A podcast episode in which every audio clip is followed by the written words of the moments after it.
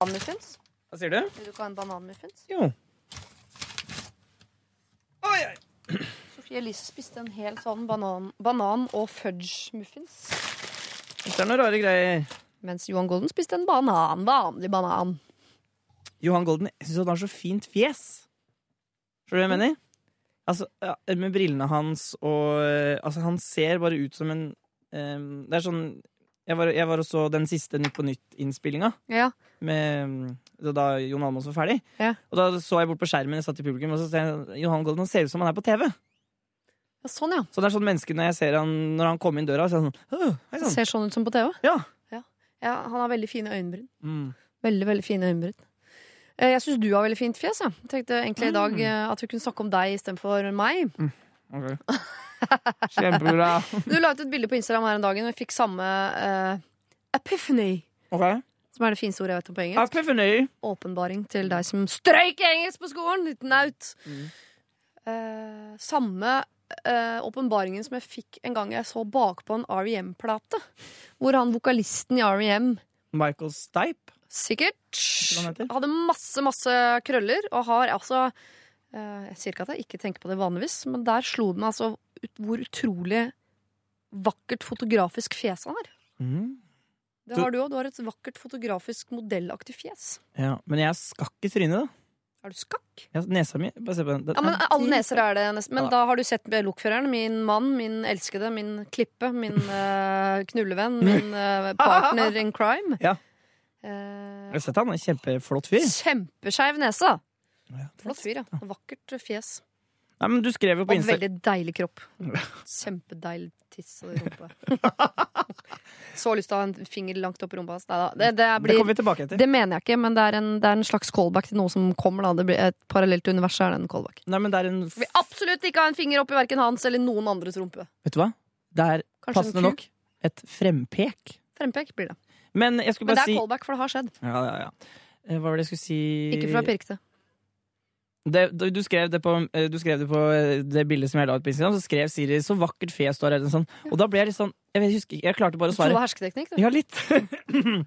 så jeg svarte blunk, blunk, blunk. Det var det eneste jeg klarte å svare. Fordi det er så sjelden Siri gir komplimenter. Mm. Nei, du sier hyggelige ting, men, men det er jo en av dine, en av dine beste egenskaper. da At Ja. du, du er ikke sånn som uh, mange som jobber med det vi driver med. Ja. Eh, og dette kan, grunnen til at jeg sier er for jeg tror du som hører på, også kan ta det til deg. Hvis du er en som sier hele tiden at ting er bra. Altså så fin genser og så fin Ja. i dag. Så fin. Ikke bare det, men også du er så fantastisk eller du er så kul. Det er, jeg kjenner ganske mange folk som er sånn som på en måte slenger litt mye eh, komplimenter. Ja. Og da betyr det ikke lenger noe, syns jeg. Nei. Dette det tror jeg Oi. Jeg åpnet en brus, så altså. Jeg åpna ikke rumpehullet mitt. på en måte Jeg tror det der er en greie jeg har hatt eh, bevisst siden Jeg husker det fra syvende klasse, når alle skulle begynne å klemme hele tiden. hver gang de møttes Mm. Allerede da var jeg, hun, eh, altså, da var jeg trassig. Kjerringa mot strøm sa sånn Jeg orker ikke det klemmegreiene deres, fordi jeg vil at en klem skal bety noe. Så hvis du trenger en klem en dag, så har jeg klemt allerede fire ganger den dagen, og 98 ganger den uka, så betyr det ikke noe. Jeg vil spare klemmene til det betyr noe. Et, og da ble hun. Var det, altså, eh, men jeg tok et bevisst valg og står for det. Jeg er prinsippfast. Eh, Gå for å da være surrere enn jeg er, men det er ikke surhet, det er prinsippfasthet. og når jeg klemmer, da kjenner du det langt inn i sjela. Balle, ballesjela. Men, eh, nei, men, jeg, nok, men det er jo gøy med Siri og meg. Mm. At uh, Dr., eh, altså min personlighet, Dr. Jones sin personlighet, er jo uh, altså gladkristen sånn Er du kristen? Nei, men altså som folk tenker det, går i sokkelesten, er sånn glad, kose, klemmer alle. Det gjør jeg da. Ja, det gjør det. Ja. Men mens folk ser på deg, så når vi går i gangene, så Mm. her på NRK, så er jeg glad, og du er den strenge. Ja. Men det er jo men det er kanskje egentlig ikke sant. Kanskje jeg er strengere inni meg enn det du er. Nei, det tror jeg ikke. Nei, jeg tror ikke jeg heller. P3. Dette er Lørdagsrådet med Siri Kristiansen. på P3. P3. God, god morgen og god, god jul må vel være lov å si eh, nå. Det er 17. desember. og Jeg regner med at eh, du og de fleste som hører på, antageligvis har vært på et og annet julebord i år. Du er kanskje ferdig med ditt siste julebord. Noen har kanskje noen julebord til og med igjen. Det er jo noen som legger julebordene helt, helt, helt tett opp mot eh, julaften, bare for å sørge for at folk er helt utslitt den dagen det virkelig gjelder. Men så vet jeg også uh, at det er, det er mange som elsker julebord. Det er mange som går på en smell på julebord. Det er noen som syns det er eh, den beste dagen i året. Den dagen de kan virkelig feste for andres penger og uten kona og alt det der. Og så er det en del, uh, meg selv inkludert, som syns at julebord er litt vanskelig. Jeg har aldri vært glad i julebord. Jeg liker kanskje de små private julebordene som er sånn jeg og to jenter fra russebilen som møtes og har årlig julebordet. De der, de kan jeg like. Men den der hvor alle som vanligvis bare møter hverandre i korridorene på en eller annen arbeidsplass eller hva det nå måtte gjøre, som plutselig skal ha en helaften sammen og sitte til bords og spise ribbe og drikke juleøl og eh, skvaldre og underholde hverandre og kanskje til og med må bidra med et lite nummer et eller annet sted og i det hele tatt. Den delen der syns jeg er klein, er kanskje det beste ordet jeg kan beskrive det med, fordi det er noe som skjer med alles roller. Ikke bare at folk forandrer seg, plutselig er folk har pynta seg og folk oppfører seg annerledes, men det er også andre typer relasjoner. Plutselig Hun på kontoret og han på regnskap er plutselig, viser at de kjenner hverandre, de er jo familie. Altså, det er så mange ting som dukker opp på et julebord. Av ting man ikke er klar over. Og det er jo ikke trusler, og det er jo ikke, øh, det er jo ikke noe dårlig stemning eller sånn. Det er bare Hvis man har et sånt hode som jeg har, som liker liksom oversikt og går og analyserer hva som skjer rundt meg til enhver tid, så kan julebord by på noen utfordringer bare i form av at hodet blir litt fullt av at man må danne seg masse nye inntrykk og øh, se sin egen arbeidsplass eller sitt eget uh, idrettslag eller hva det måtte være. mot se det på nytt. Plassere folk i nye båser. For det er jo ofte sånn altså, at morsomste på kontoret er den kjedeligste på julebordet, og omvendt. Og plutselig så viser det seg at øh, hun på arkiv er jo helt rå. Hun synger karaoke som om hun var åtte fulle menn og, er, altså, helt, og kan gå ut i spagat, viser det seg. Med julekule på hodet hele tatt. Det skjer så mye rart på julebord. Uh, Jeg har jo vært på julebord opp igjennom, selv om min taktikk vanligvis er å ikke gå på julebord, bare for å slippe ubehaget. Men det er ikke nødvendigvis ubehaget av andre mennesker, men det er ubehaget av å ikke føle at man mestrer å- gå inn i det med hud og hår og armer og bein. At jeg ikke jeg skjønner, jeg, jeg skjønner ikke hvilken rolle dere tok, og jeg skjønner ikke hvilken rolle jeg skal ha. Og hva er det som ofte skjer da? Jo, at man kanskje blir sittende litt sånn Analysere andre, analysere seg selv, og så går man inn i en sånn mutt, og så ser man seg selv utenfra. Nå er hun mutte, mens hun på regnskap sitter i spagat med julekule på hodet mens hun synger karaoke med åtte menn. Og, og så blir alt vanskelig. Og jeg har ikke svaret på hvordan det kan bli bedre, annet enn det som ofte hjelper i de fleste situasjoner. Nei, jeg skal ikke si den gode samtalen nå. Jeg skal si hold ut. Vent. For det er ikke sånn at alle andre legger merke til alle de femminutterne hvor du ikke sier noe, eller alle de rundene du har hatt hvor du kanskje ikke smiler fra øre til øre fordi du sitter og analyserer eller lurer på hva som skjer, eller det er ikke så mange som får det med seg. Klokka går, og på et eller annet tidspunkt så hender det at man klarer å hekte seg på allikevel. Ikke hekte seg på hun i spagat oppå bordet der som synger karaoke, men hekte seg på et eller annet. Finne sin hylle, finne sin stemning. Og jeg tror bare det handler om å holde ut. Ikke kommentere sånn 'Å, jeg syns julebord er så kleint', eller 'Å nei, jeg har det ikke noe gøy', eller 'Å, jeg er egentlig litt trøtt i dag', eller ikke kommentere at ting er kleint eller vanskelig. Bare sitte litt stille, ta det innover seg, bruke tida, kose seg, ikke tenke at folk får med seg hva du driver med, og så hekte deg på litt etter litt etter litt. Og så kanskje julebord kan bli en ganske hyggelig opplevelse for deg også. Det er den eneste rådet jeg kan gi til deg som syns at julebord er litt vanskelig, men har lyst til å få det til, det er ikke se ting utenfra, ikke tro at folk følger med på deg, og ta deg masse god tid. Hekk deg på litt etter litt. Lørdagsrådet På P3. P3 Før vi begynner å gi nye råd, så skal du få høre hvordan det har gått med Følsomme Per.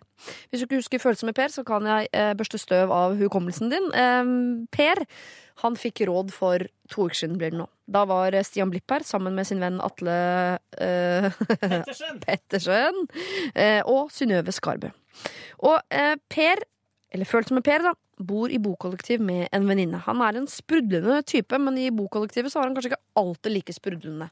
Og kanskje noen ganger i helt vanlig humør, eller Men denne venninnen som har bodd sammen med, hun syntes det var meget problematisk at han ikke var mer sprudlende hjemme. Hun beskyldte han for å være sur hjemme, eller sur på henne, og hun beskyldte han for mye rart, og hvorfor var han ikke like sprudlende hjemme som han var ellers, videre. Hun var i det hele tatt ganske nærtagen overfor denne følsomme Per. Det syntes Per var urettferdig, og lurte på hvordan han skulle håndtere situasjonen. Du skal få høre noen av eh, rådene som Stian, Atle og Synnøve ga. Lørdagsrådet første jeg tenker, er jo at det, dette er et veldig destruktivt eh, boforhold. I, i, virker som i begge ender. Og venneforhold også. Ja, ja, altså, Hvorfor vil han være venn med henne? Ja, man kan bare kjøre gode, gamle klassikeren. Sette seg ned, kikke inn i øynene og Hvordan går det egentlig med deg? oi, Mm. rett inn. Rett inn. Ja. Hvis dette har funket før, så altså, Og det er jo ikke så mye investert i dette samboerskapet. Sånn at det å flytte fra hverandre virker jo som om det er medisin for både vennskapet What's in it for him, spør jeg nå bare, dette vennskapet. Det Ja. virker som det er bare pes. mm. Bare Nei. beskyldninger og pes, ja. Flytt ut. Altså, Det høres ut som det er mye mer å vinne på bare OK, skal vi eh, stikke fingeren i jorden og eh, flytte fra hverandre? For vi hadde det mye bedre som venner før da. Ja, ok, Så flytte, men ta den lille praten først på hva det er som skjer her. Selvfølgelig. Ja. selvfølgelig. Dette er Lørdagsrådet På P3. P3. Det var noen av eh, rådene som eh, Stian, Atle og Synnøve ga for to uker siden til Følsomme Per. Og Følsomme Per han har sendt oss en ny mail, og han skriver Jeg har fulgt rådene deres. Ikke med flytting, men med den gode samtalen. For det er som regel en samtale som skal til for å ordne opp. Vi satte oss ned og snakket ut om alt som plagde oss, og jeg fikk dårlig samvittighet. Ikke fordi jeg hadde gjort noe galt, men fordi jeg kanskje ikke hadde sett at hun sliter tidligere. Hun åpnet seg virkelig til meg denne gangen om ting vi aldri før har snakket om. Hun har nemlig et litt anstrengt forhold til menn etter at flere eh, stefedre har kommet og gått gjennom årene. Samtidig som hun sliter med sitt i disse vinterdepresjonstider. Hun fortalte meg at det er mye som har skjedd med henne som barn, som fortsatt plager henne den dag i dag. Det har hun planer om å gå til psykolog med, fordi det påvirker humøret hennes og hennes tiltro til andre mennesker. Hun sliter rett og slett med å stole på folk. Vi har kommet fram til at mye av det som har blitt uh, sagt mellom oss, aldri skulle ha blitt sagt. Hun vet at jeg er glad i henne, og jeg vet at hun er glad i meg. Etter samtalen har ting blitt mye bedre. Jeg forstår, uh, hun forstår at ikke jeg kan smile dagen lang 24-7, og jeg forstår at jeg kanskje bør ta litt mer hensyn til henne. Ja, kanskje ting skjærer seg igjen, men jeg velger å gi det en sjanse til. For alt i alt er vi som søsken for hverandre, og søsken, de krangler. Om ting skulle skjære seg nok en gang, er det nok flytting som blir et alternativ, men samtidig har vennskapet vårt vokst utrolig mye på denne feiden. Så får vi se da hva som skjer videre. Uansett, takk for gode råd. Jeg elsker Lørdagsrådet. Med vennlig hilsen Følsomme Per. Vet du hva? Lørdagsrådet elsker deg også, Følsomme Per. Du har gjort det som vi sier gang på gang, uke etter uke. Prøv det! Og jeg liker så godt at du kaller det for den gode samtalen istedenfor det folk vanligvis kaller det, konflikten. For da kan man nemlig skjule seg bak paraplyen 'jeg er konfliktsky'.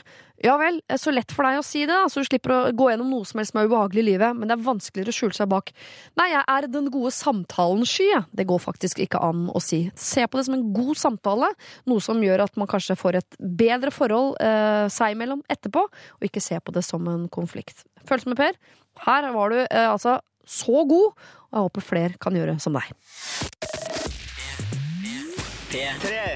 Dette er P3. I Lørdagsrådet i dag så har jeg med meg tre rådgivere. Det har jeg jo hver lørdag. Og denne gangen har jeg én fra gullrekka. Komiker og programleder Johan Golden, god morgen. Takk. Hei. Så har jeg en fra sølvrekka. Komiker og sketsjemaker Henrik Fladseth. Hei. Og så har jeg en blogger, forfatter og et forbilde med tinnitus. Sofie Elise. Hei. Du har fått tinnitus, Sofie Elise. Ja, det har jeg. Så det er vel det jeg har kjent som nå, da. Ja, så du er litt ekstra trøtt for tiden?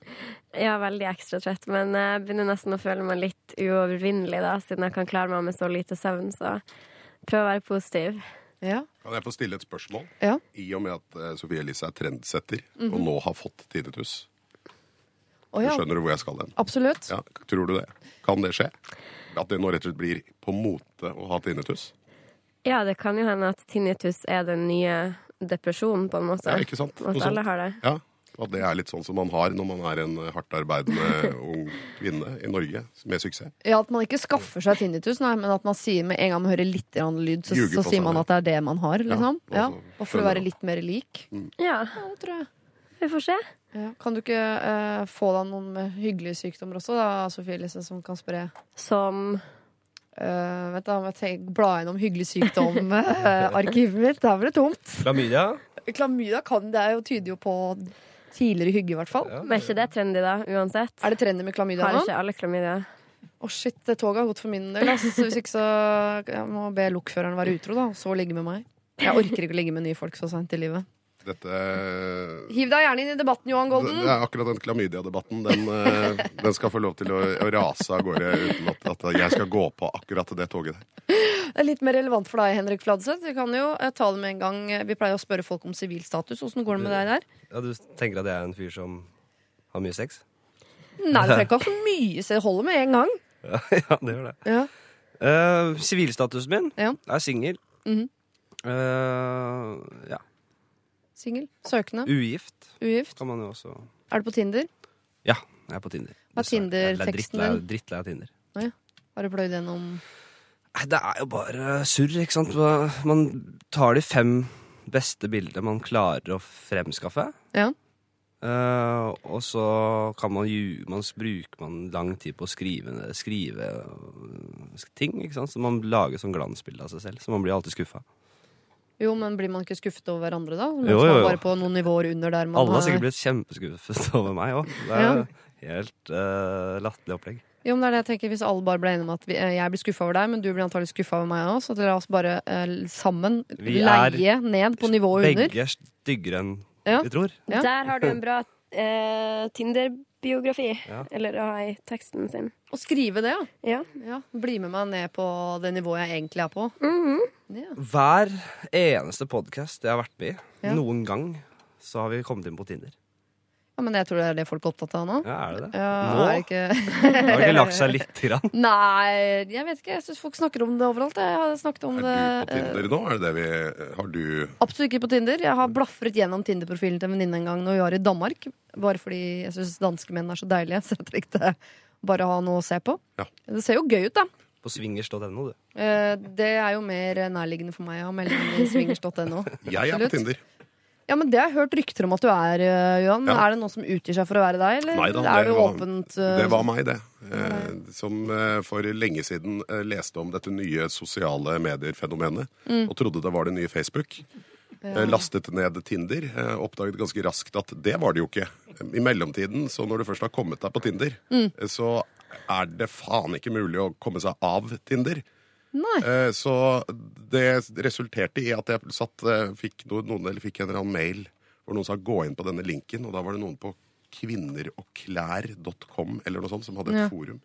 Eh, Og der var det noen som har sagt jeg liker egentlig denne Johan Golden, men jeg så han på Tinder. Det jeg vet at Han har jo både barn og kjæreste, for han bor ved siden av meg. Og jeg ser han jo veldig ofte i butikken. Bør jeg si fra til dama hans eller ikke? Var tråden. Var tråden. Hva svarte folket da? Det var flere som mente at hun burde gå og si fra til da, min kjæreste Ja. eh, om at jeg da var på Tinder. Men det dette har resultert i Jeg fikk jo holdt på å le meg i. Gikk hjem til kjæresten min, fortalte at jeg var på Tinder. Mm -hmm. Eh, så nå kan jo jeg egentlig være på Tinder. Ja, Du har gitt deg selv et slags grønt kort inn dit, du. Jeg har et grønt Tinder-kort flyvende der ute. Men jeg prøvde å slette det, Ja. eh, og da ser du når du får det på telefonen din, så ser du som en liten sky og sånn, og da reaktiverte jeg hele den eh, greia. Så da dukka jeg plutselig opp igjen, for da var det søstera til en annen venninne som plutselig hadde sett meg der. Ja. Så jeg tør ikke ta i det Tinder med For nå tror jeg bare jeg ikke er der, men det ligger i skyen min. Ja. Så selv om jeg ikke har det på telefonen, så har jeg åpenbart en eller annen Tinder-profil gående. Par spørsmål, Johan. Ja. Hva slags bilder har du, og hva slags beskrivelse av deg selv? Nei, det vet jeg ikke. Det vet du ikke. Nei, det, Kan være hva som helst. Det kan være hva som helst. Shit. Ja, fordi jeg også hørte rykter om det. Nemlig sånn Vet du hvem jeg har sett på Tinder? Eller Johan Golden. Jeg tenkte akkurat det samme. Han har kjæreste og unger, og det der er skikkelig stygt.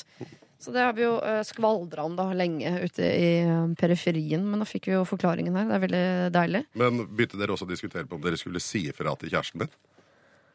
Eh, jeg har jo truffet kjæresten din noen ganger etterpå og vurdert det, selvfølgelig. Men eh, jeg gikk rett til mora hennes, jeg. Nei, jeg har ikke sagt det. Jeg regnet med at det var noe kluss. Eh, da er vi jo egentlig nesten rundt med sivil status, for nå har du allerede avslørt at du har kjæreste og unger. Jeg har kjæreste og unger. ja. Eh, det er ikke noe gifte, Dere er ikke gifta, dere? Nei, jeg vil være fri som fugl. Du vil være fri som fugl. Det, det er det jo ikke. Men åssen er det med deg, Sofie Elise? Nei, jeg er også singel. Ja, du er også singel. Og søk, Er du på Tinder, eller? Eh, ja, men også ikke vil være på Tinder, men er det på en måte hvis man aldri kommer seg bort derfra, som jeg trodde man gjorde. Men da er jeg vel tydeligvis der ennå. Det høres ut som du og Johan Golden skal ta en liten kollokvie etterpå og finne Ja. ut av dette, hvordan man kommer seg vekk eh, derfra. på Jeg en eller annen måte. Jeg har superlika deg i eh, flere måneder nå. Ikke Har du? Ja, fy faen. What? Det er, det er, er litt kleint, da. Har du Tinder pluss? Er det det du sier? Ja, Revet til Tinder pluss, ja. Ok. Så, såpass må det være. Er det noe som heter det? Tinder pluss? Ja, du betaler vel for å ha Nei, det gjør jeg faktisk ikke. Da får du de fineste grensen, damene. Bare for de aller fineste damene. Tinder superpluss. De Tinder XL. de har en garanti, de har garanti for å finne der, altså. Ja, så De det er hvis, hvis ikke så kan du klage. Ja. Ja. Uh, De klagene er det ofte vi som får her i Lørdagsrådet. Så det er jo, sånn er det. Uh, lralfakrøll.nrk.no hvis det skulle være noe. Vi er jo da ekvivalentene eller til Tinder på en eller annen måte.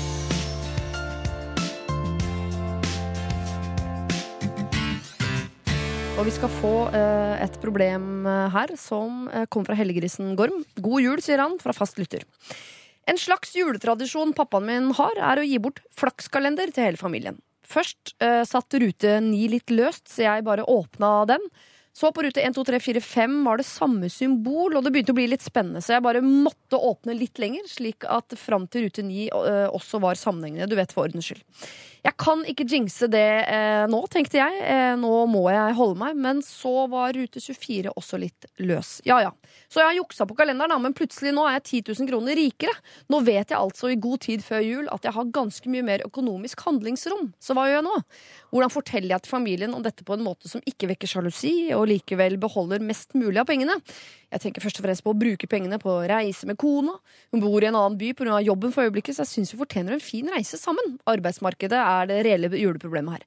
Men det kan dere ikke hjelpe meg med. Men bør jeg eh, ikke vurdere å bruke pengene på den beste jula ever til familien? Da blir det i hvert fall ingen misunnelse, og jeg får en del innskudd på godviljekontoen. Eh, dere ser dilemmaet, ikke sant? Jeg har selvfølgelig spurt kona om råd før dere, altså. Oink, oink, hilsen Hellegrisen Gorm. Forstår dere her? Han har eh, vunnet penger, men han skal egentlig ikke vite om det ennå. Og han har vunnet penger i en flakskalender han har fått. Skal han dele det med eh, familien? Eller skal han beholde alle pengene selv? Eller hvordan gjør han dette? Jeg tenker jo at eh, en flakskalender er i utgangspunktet litt sånn upersonlig gjerrig kalender, er det ikke det?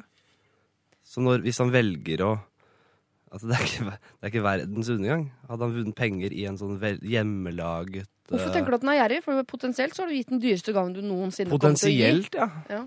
Du kan ha gitt bort en million. Ja, det, jeg syns han konstruerer en god del problemer her. Ja.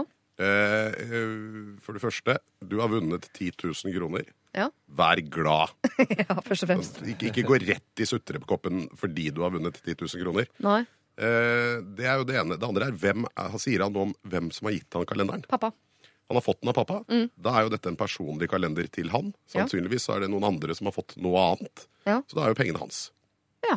Eh, Men han sa også noe det var noe med arbeidsmarkedet som var litt dårlig. Ja. Så det betyr jo sannsynligvis at det er dårlig råd på et eller annet tidspunkt. Altså det er dårlig med inntekter. ja. Så da er det jo litt dumt å svi av 10 000 kroner på den beste jula ever hvis du skal gå inn i den trangeste året noensinne. Jo, Når du først snakker om å konstruere problemer, så tenker jeg også at jeg synes han overdriver hva 10 000 kroner er. For jeg tenker at det virker som han nå tenker at nå har slekta fått 10 000, så nå skal jeg forvalte de best mulig, sånn at alle får en god jul. tenker jeg Altså En runde i første etasje på Ikea, så er de 10 000 borte i servietter og julelys. Og det er ikke noe sånn Ja, men, Alle kan ikke dra til julenisseland. men hvor gammel er han? Står det noe om det? Nei. Det er ikke så lenge siden jeg fikk 100 kroner av bestemor for å gå på kino og gå ut og spise middag. nei Eh, Så det, hun hadde ikke helt oppjustert, eh, oppjustert hva det, det, kostnaden her ennå, for å si det på den måten. Jeg tenker bare eh, bruk momentum og gå og cash inn, eller bare bruk det på 1000 nye kalendere. 1000 nye julekalendere. Mm. Hva er sjansen da for at man vinner mer? Ganske stor, antagelig. jeg vil tro det. Du går for den, ja. Gambling-metoden. Har du dårlig råd, har du 10 000, gå et eller annet sted, sett de på rødt, så har du 20. Og så hvis du har 20, så lar du de bare stå. Så har du plutselig 40. Det er eh, Og så fortsetter du til du har ønsket antall penger. Ja. Hvis ikke det funker, så er ikke julen en dritt verdt. Det er ikke noe hellig med julen i det hele tatt. Kan se på det på den måten? Da? Jo, man kan se på det på den måten. Men har han, altså Hellegrisen Gorm har 10 000 kroner. Eh, det er fortsatt noen dager igjen til jul. Hva ville du brukt 10 000 kroner på nå, Sofie Elise? Hvis du ramla ned 10 000 kroner? Jeg tenker jo som du sa, at man skal ikke overvurdere hva 10 000 kroner egentlig er for noe. Det er Nei. jo ikke I far for å høres helt grusom ut, så er det jo ikke så mye penger, liksom. Så Nei. jeg hadde vel sikkert bare tenkt Ja ja, hvis jeg fikk 10 000, liksom. um, jeg hadde vel brukt dem på meg. Altså, det jeg hadde Du hadde gjort- brukt den på deg sjøl. Jeg Hadde jeg vært sånn- det. Hadde ikke sagt det til familien at jeg hadde fått de 10 000 kroner, om de er den type familie som blir misunnelig, for det virka jo litt sånn at det ikke var så mye glede seg på andre sine vegne her, eventuelt. Så jeg ville holdt det for meg sjøl, og så ville jeg dratt og besøkt kona mi, og det hadde vært hyggelig. Og så ville jeg bare slappe av, liksom. Ja, altså 10 000 kroner er ikke så veldig mye penger hvis du skal bruke det på betalende lån eller sånn. Det er det som er viktig. Men 10 000 kroner er mye penger hvis du bare, Kan blæste de. ja, bare kan ha det i lomma. Ja. Det er, da, det, det er det som er viktig.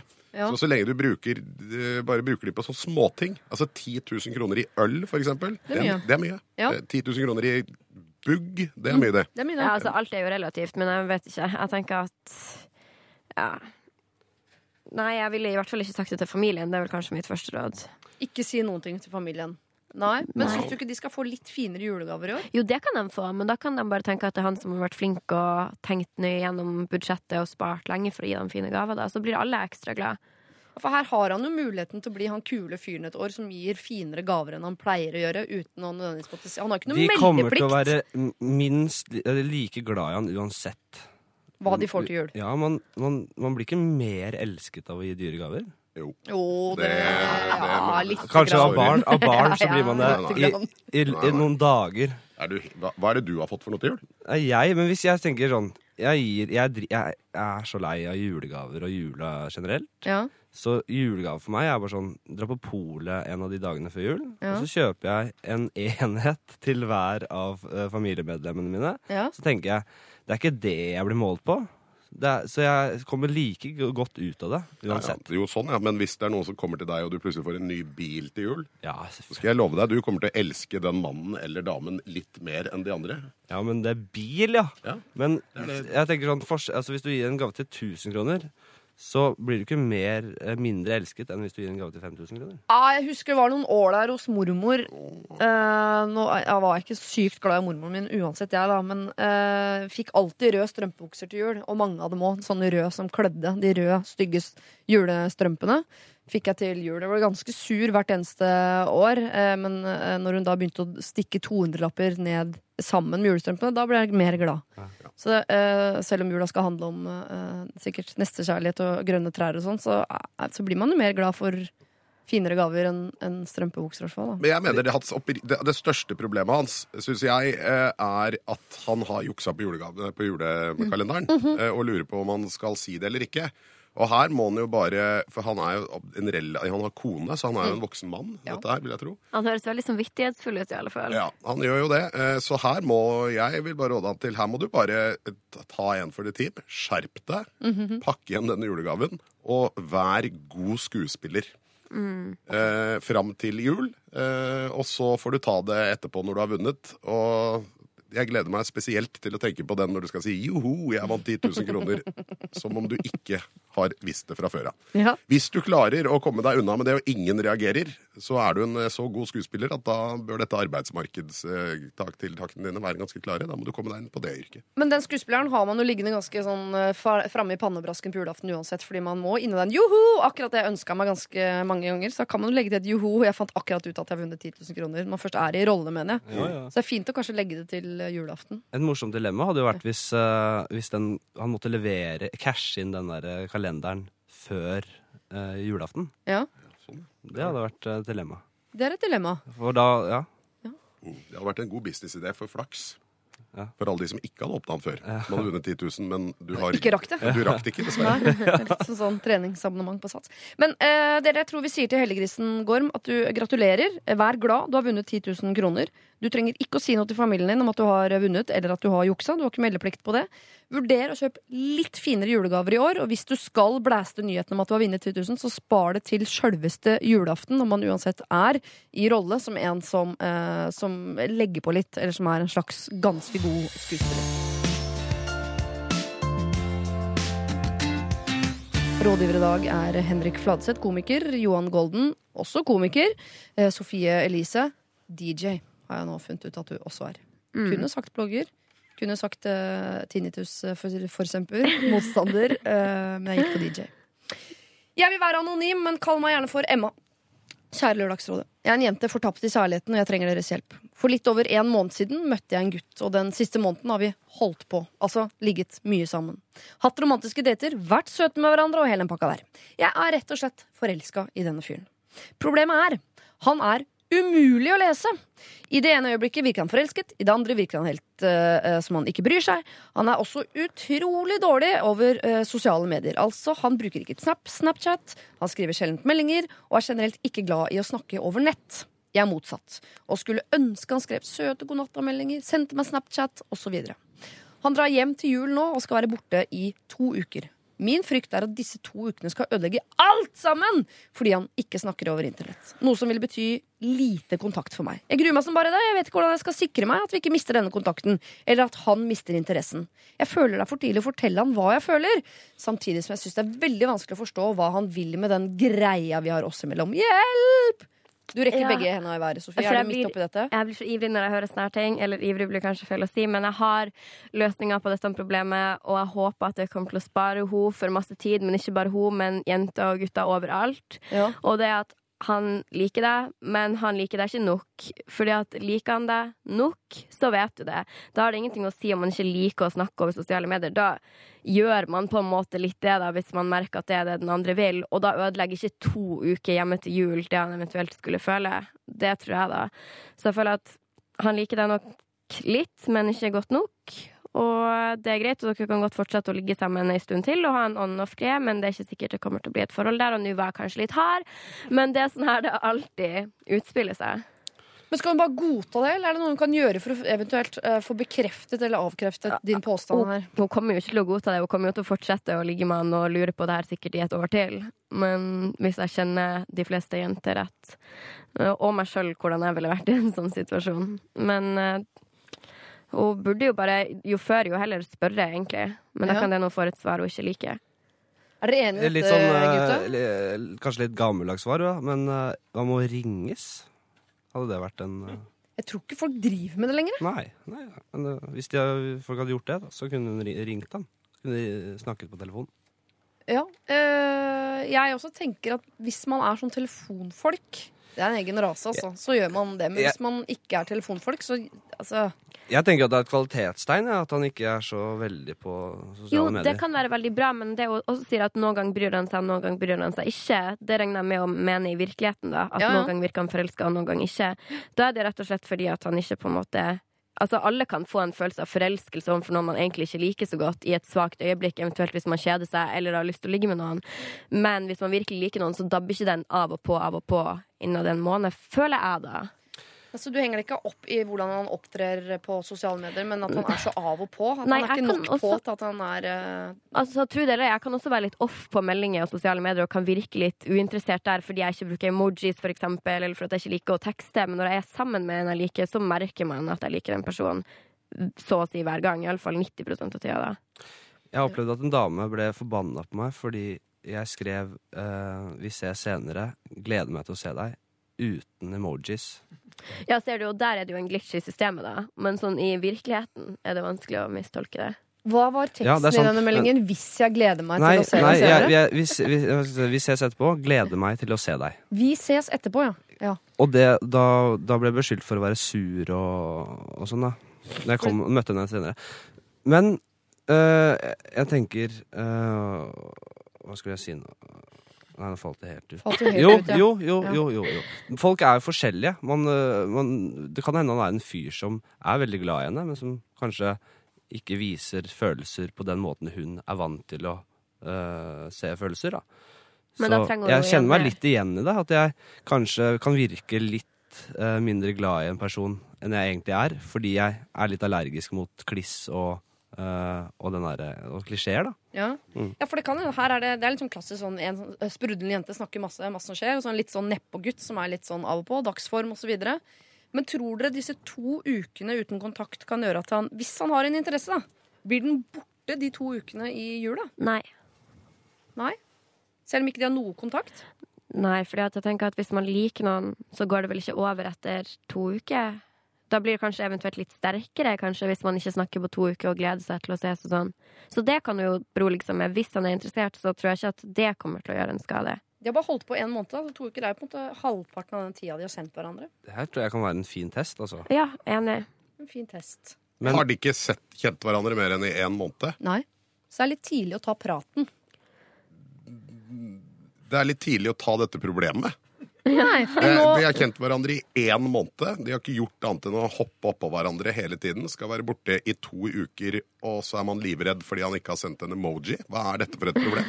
helt Her må vi ta sammen. Det her, her er det veldig viktig å bare ta, stikke alle fingrene ned i jorda umiddelbart og se på hva er det man driver Hvis noen hadde sendt meg en emoji, så hadde jeg kasta telefonen i veggen.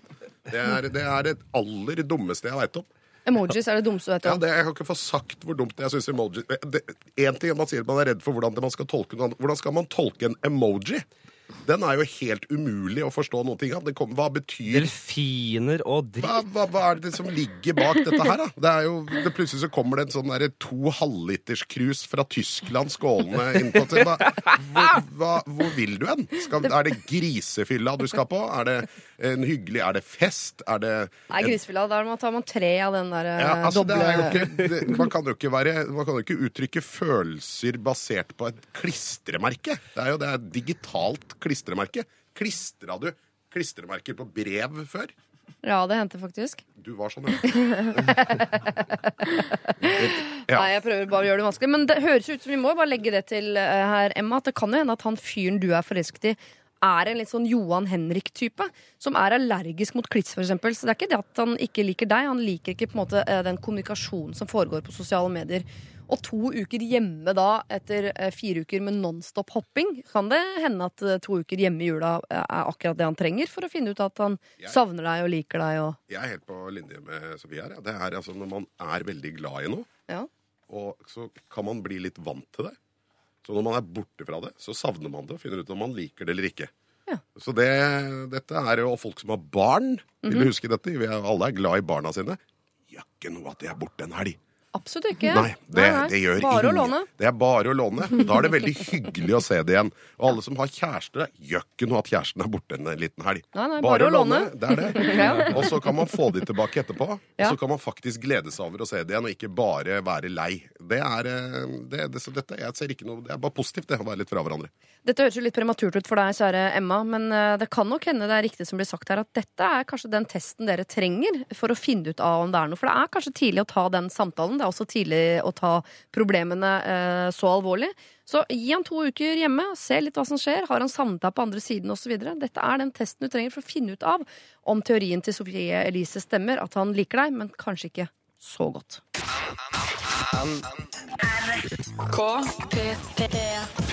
P3. Kall meg Mikkel. Jeg er en mann i 20-årene fra en liten bygd i Midt-Norge. Da jeg var 16 år, forelsket jeg meg for første gang i en gutt, og jeg fortalte til familien min at jeg er homofil. Det å komme ut av skapet skapte store reaksjoner innad i familien og i lokalsamfunnet. Spol frem noen år. Jeg har vært sammen med en fantastisk mann i noen år nå, og hatt flere kjærester som har kommet og gått. Alle har vært menn. Familien min har nå respektert at jeg er homofil, men mente i mange år at dette kun var en forbigående fase. Tidligere i høst begynte det en ny jente på arbeidsplassen min. Vi har blitt godt kjent, og jeg kjenner at jeg har følelser for henne. Dette har fått meg til å tvile på mye, blant annet følelsene mine for samboeren min og min seksuelle legning. Fredag forrige uke var det julebord med jobben, og det utenkelige skjedde. Jeg hadde for første gang i mitt liv sex med en jente, og det var fantastisk! Kan foreldrene mine ha hatt rett hele tiden? Var det bare en fase? Jeg elsker jo samboeren min fremdeles, selv om sex med en jente er mye bedre. Hilsen fortvilet mann, Mikkel. Ja, dette får du ikke klarere, vel? Det er ikke dette er klassisk julebord? Er det ikke det vi hører her? Person på julebord prøver noe de ikke har prøvd før. Usikker på hvordan de skal forholde seg til dette etterpå. Ja, men det, var bedre, altså, det er bedre enn alt annet han har Men gjort. eh, hvis, han liker, hvis det er bedre å ha sex med Hvis han tenner mer på damer enn menn, så er det vel, har vel snudd, da? Er det ikke det? Altså, var det bare en fase, da? Eller, eller Det er jo noen som eh, det, Vi har en sånn mellomting her. Det er jo Ja. mange som er forelsket eh, i, i personer, Ja. og ikke i kjønn. Mm -hmm. uh, og er det så viktig å definere seg? Eh, er det så veldig viktig for han å si at jeg er enten ikke homofil eller homofil? Um, jeg skjønner at det kanskje ikke er så viktig for han, men kanskje viktig for familien hans. Eller i, for han fordi familien hans har vært så vanskelig, kanskje.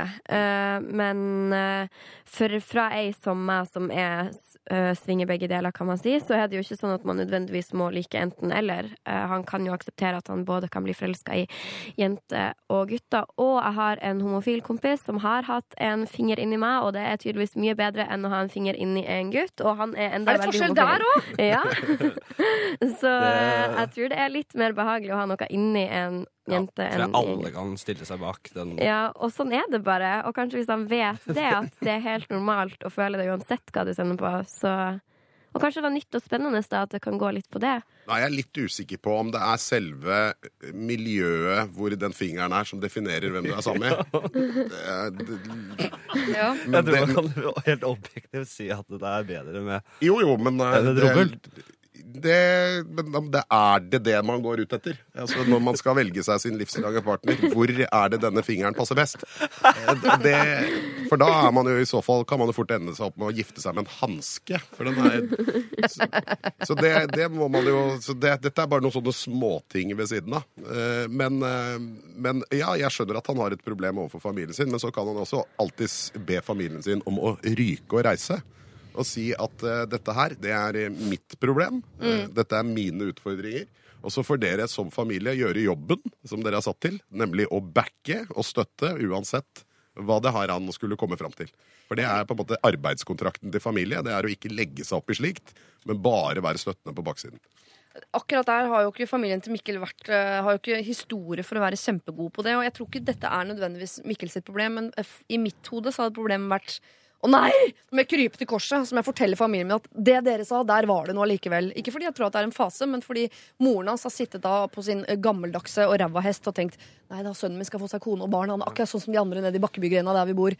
Og så viser det seg mange år etterpå at mamma, det greiene du sa som er helt ute eh, Nå gir han liksom nytt håp, det der bålet i moren sin, som, som er at han skal få seg kone og to barn som hun kan passe. At da har han fortsatt en drøm om å kunne komme triumferende inn i stua og si 'jeg, jeg liker damer likevel'. Tror du det? Nei, jeg tror motsatt. At han syns det er eh, At han har ikke noe lyst at moren skal få den, liksom. Nei. Jeg, her vil jeg råde han til eller, Jeg sier ikke nødvendigvis at det er det beste, men jeg tror jeg i denne situasjonen Hadde det nå vært sånn at han da hadde svingt over til, eh, til damesiden, eh, for å si det på den måten, så for guds skyld ikke si det til mora di. Nei, Så du syns ikke han skal si noe til mor? Jeg er kjempehomo. Homo-homosen heter jeg nå. Jeg driver med homoting eh, Ja. og skal bare høre på homomusikk. Og så bør han bare fortsette med det. I hvert fall ti år til. Ja. eh, som bare for Jeg syns rumpehull er det absolutt beste Ja. stedet for mine fingre. Absolutt. Hele tiden. Og bare passe på det er det, for å bare ikke gi de rett, Denne, disse gamlingene. denne jula har jeg om mulig blitt enda mer homo. Jeg er blitt homo i jul. Jeg fikk homo i gave. At homojulekalender hele desember. Og jeg ønsker meg enda mer homo. Takk. Ja, Homoeffekter til jul, takk. Også, for det er hans sak. Er det det? Man må, det er jo hans sak. Man må jo ikke bukke, bukke under for dette presset. Og så får man jo prøve å gi noen, noen bøker, da, sånn hvordan være tolerant og god mor eh, i julegave, f.eks. Men la oss ikke glemme samboeren her, fordi han har en samboer som han er Som er en mann som man er sammen med. Og Ja. det er jo kanskje det største problemet her, egentlig. Det er veldig fint at du minner oss på denne mannen, Sofie. Vi skal ta nemlig, Selv om det ikke egentlig er det han ber om, så skal vi ta en runde også på denne mannen, som han jo er sammen med nå, samtidig som han plutselig har funnet ut hvor utrolig eh, deilig det er å ha sex med en jente. Eh, en ting er at han skal fortelle moren sin at eh, hvem jeg elsker, det skal ikke dere bry dere om. Dere skal støtte. Det er deres oppgave som familie. Men hva skal han si til samboeren? For hans oppgave er vel ikke å støtte uansett hva han driver med. Her kan vi jo bare bruke God jul! God jul. Vi kan bryte dette. Har vært på julebord, vært utro. Ja. Det er jo det som har skjedd her. Det er det som har skjedd. Så det er grunn grunnen det samme hvem han har vært utro med. Han har vært utro. Og så da er jo problemstillingen hva gjør man når man er utro? Skal man si det, eller skal man ikke si det? Ja, Skal han si det, eller skal han ikke si det? Ehm, det spørs jo litt, da, for hvis han sjøl føler at kanskje den jenta her var bare en fase, så ikke si det, føler jeg. Ehm, men han er jo forelska, sier han. Ja. Så da er det jo plutselig en helt annen greie igjen. Ja.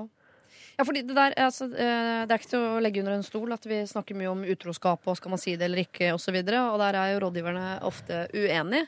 Eh, og så liker vi også å si at det er- spiller ingen trille om det er to menn eller tre damer eller hva det nå er som holder på. Men av en eller annen grunn så er det som den utroforkjemperen er, så er det noe inni hodet mitt som mener at det er litt formildende idet man plutselig bytter sønn på partneren sin, fordi da er det et eller annet som du har et behov for å utforske, som du ikke har nubbesjans i helvete til å utforske hjemme.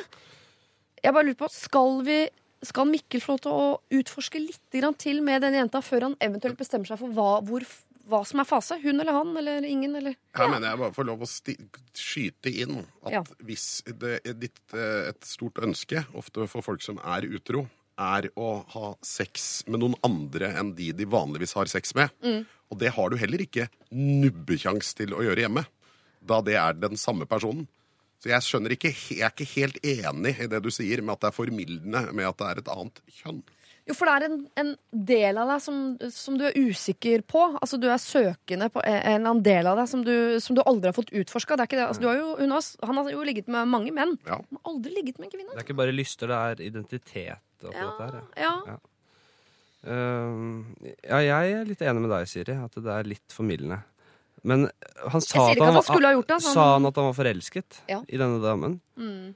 av følelser, sier han da. Ja, det trøbler det jo til. Der er jeg jo helt på, så enig med Sofie Elise. Dette trøbler det jo til. Jeg vet ikke helt hvor jeg står i denne utro-siden, men hvis du Man skal jo tenke seg nøye om før man sier det. Ja. Hvis det er totalt uh, ingen verdens ting, det skjedde et eller annet som er ute, så er ofte konsekvensene mer eh, kan være mer graverende enn det det betyr, det når man gjør det. Så Mm. der bør man jo liksom være Hvis man, den er klassisk her, det betydde ingenting, jeg dreit meg ut, det var og hvis du vet det innerst inne at det egentlig ikke betydde noe, det var et eller annet som skjedde, du var i et humør, og det var en Kopimaskinen sto der, liksom. ja, eller du sto på toppen av eh, på Gallepiggen, og du ville seize the moment. Det bare skjedde noe som var helt utrolig, og det, det har ikke noe med noe annet å gjøre. Så bør man jo gå en runde med seg selv før man ødelegger det man eventuelt har, da. For han sier at han elsker mannen sin, Ja. etter hva jeg forstår. Ja.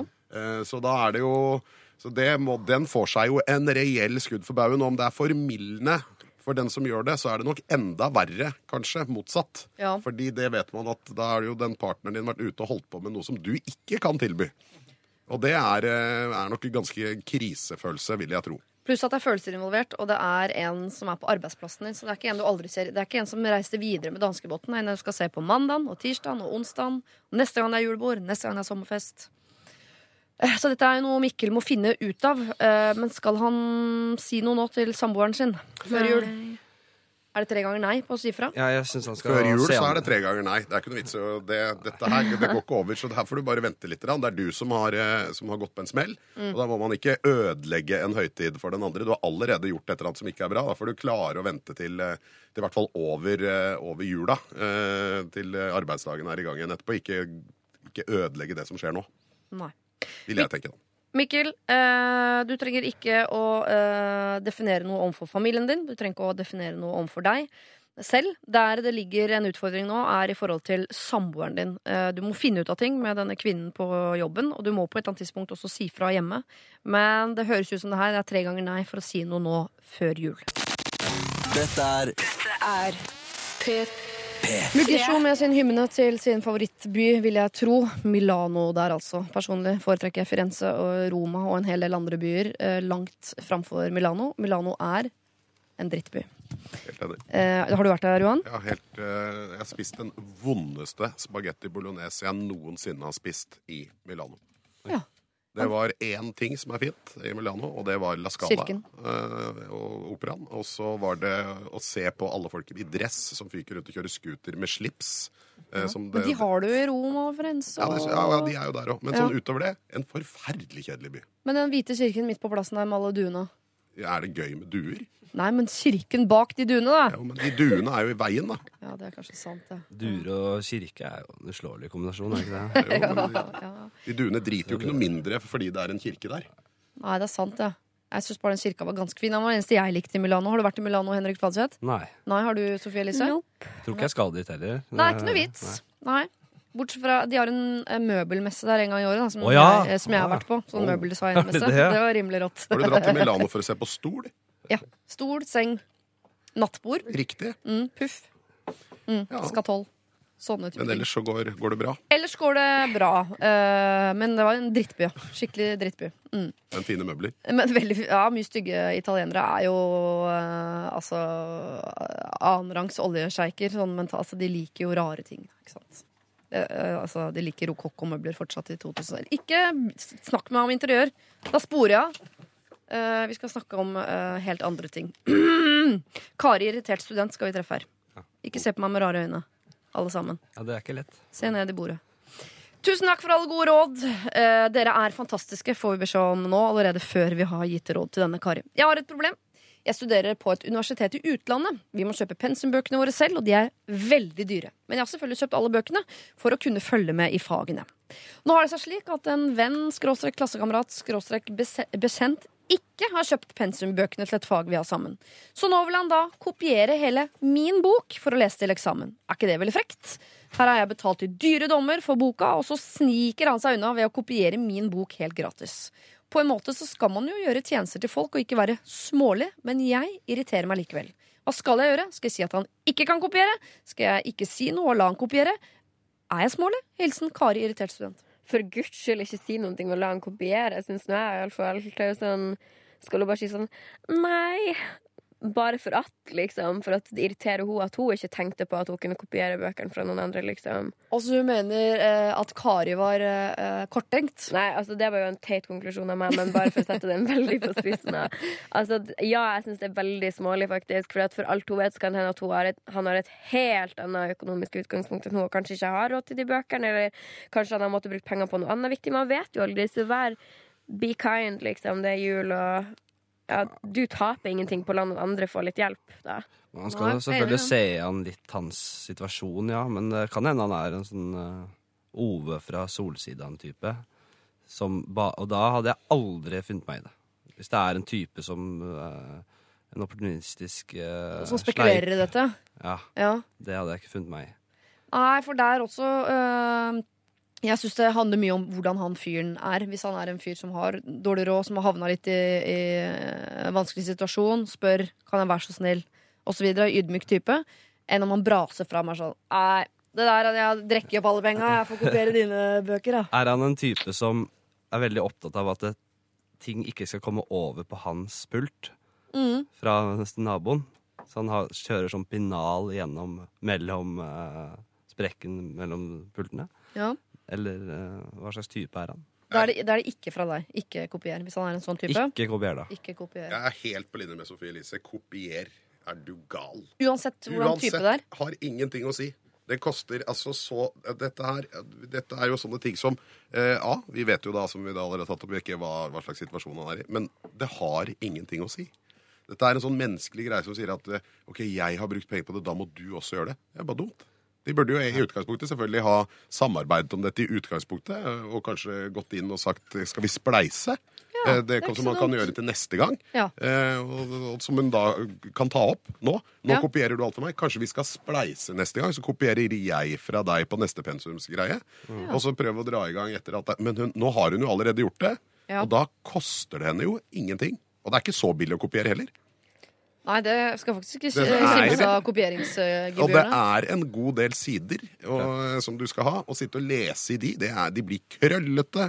Det er mye styr, men det, det er ikke en optimal løsning å ha alt på A4-ark. Ja, Med mindre han skal ta bilde med mobilen sin da, og sitte og, og øh, blafre seg gjennom på, Men da på får du jo ikke gula ut, vet du, sånn som studenter skal sitte og drive med. Og, og alt mulig. Og gula ut på i Word, jo. La, la, én ting være, kl- la én ting være klart. Ja, ja. Hun skal ikke gjøre noe her, annet enn Nei. å gi han bøkene. Så får han ta seg resten av jobben. Nei, det er ingen som foreslår at hun skal kopiere foran. Nei, Nei. nei, det må være klart. Men det er klart, hvis hun, hvis hun gir han denne tjenesten, så kan hun cashe ut en eh, tjeneste ved en senere anledning. Det er Kan du si at hun får lov å, han får lov å kopiere hvis han skriver av hele boka? Sånn som de gjorde i gamle dager. Ja, Ja. Ja, ja. Og, og på den måten så kan hun også si det at vet du hva, da kommer du til å lære dette her. Ja. Eh, så da ved å Da skrive, sitter det. Mm. Da sitter det. Og så skal du få lov, men da må du skrive den av, og den må skrives ganske pent. Eh, så får vi øvd litt på, på skjønnskrift. For hånd, ja. Ja, Løkkeskrift. må- Løkkeskrift. Løkkeskrift. ja. Og det må eh, først med blyant, og så med tusj. Ja, så må det føres inn. Men hun spør er jeg smålig. Jeg tenker sånn, ja, Kanskje man er litt smålig da. Eller sånn, hvis man stiller seg spørsmålet er jeg smålig, er jeg gjerrig, så er man kanskje litt da, for man kjenner på de der følelsene der. Men det betyr jo ikke at du må agere som en smålig eller agere som en gjerrig. Så ja, kanskje du er det, men ikke oppfør deg som det, da. Hva slags type er han? Det har så mye å si. Ja, det har mye For å si. hvis han er en jævla kjip type som Ja. alltid prøver, prøver å snylte, så syns jeg man skal gripe inn etter hvert.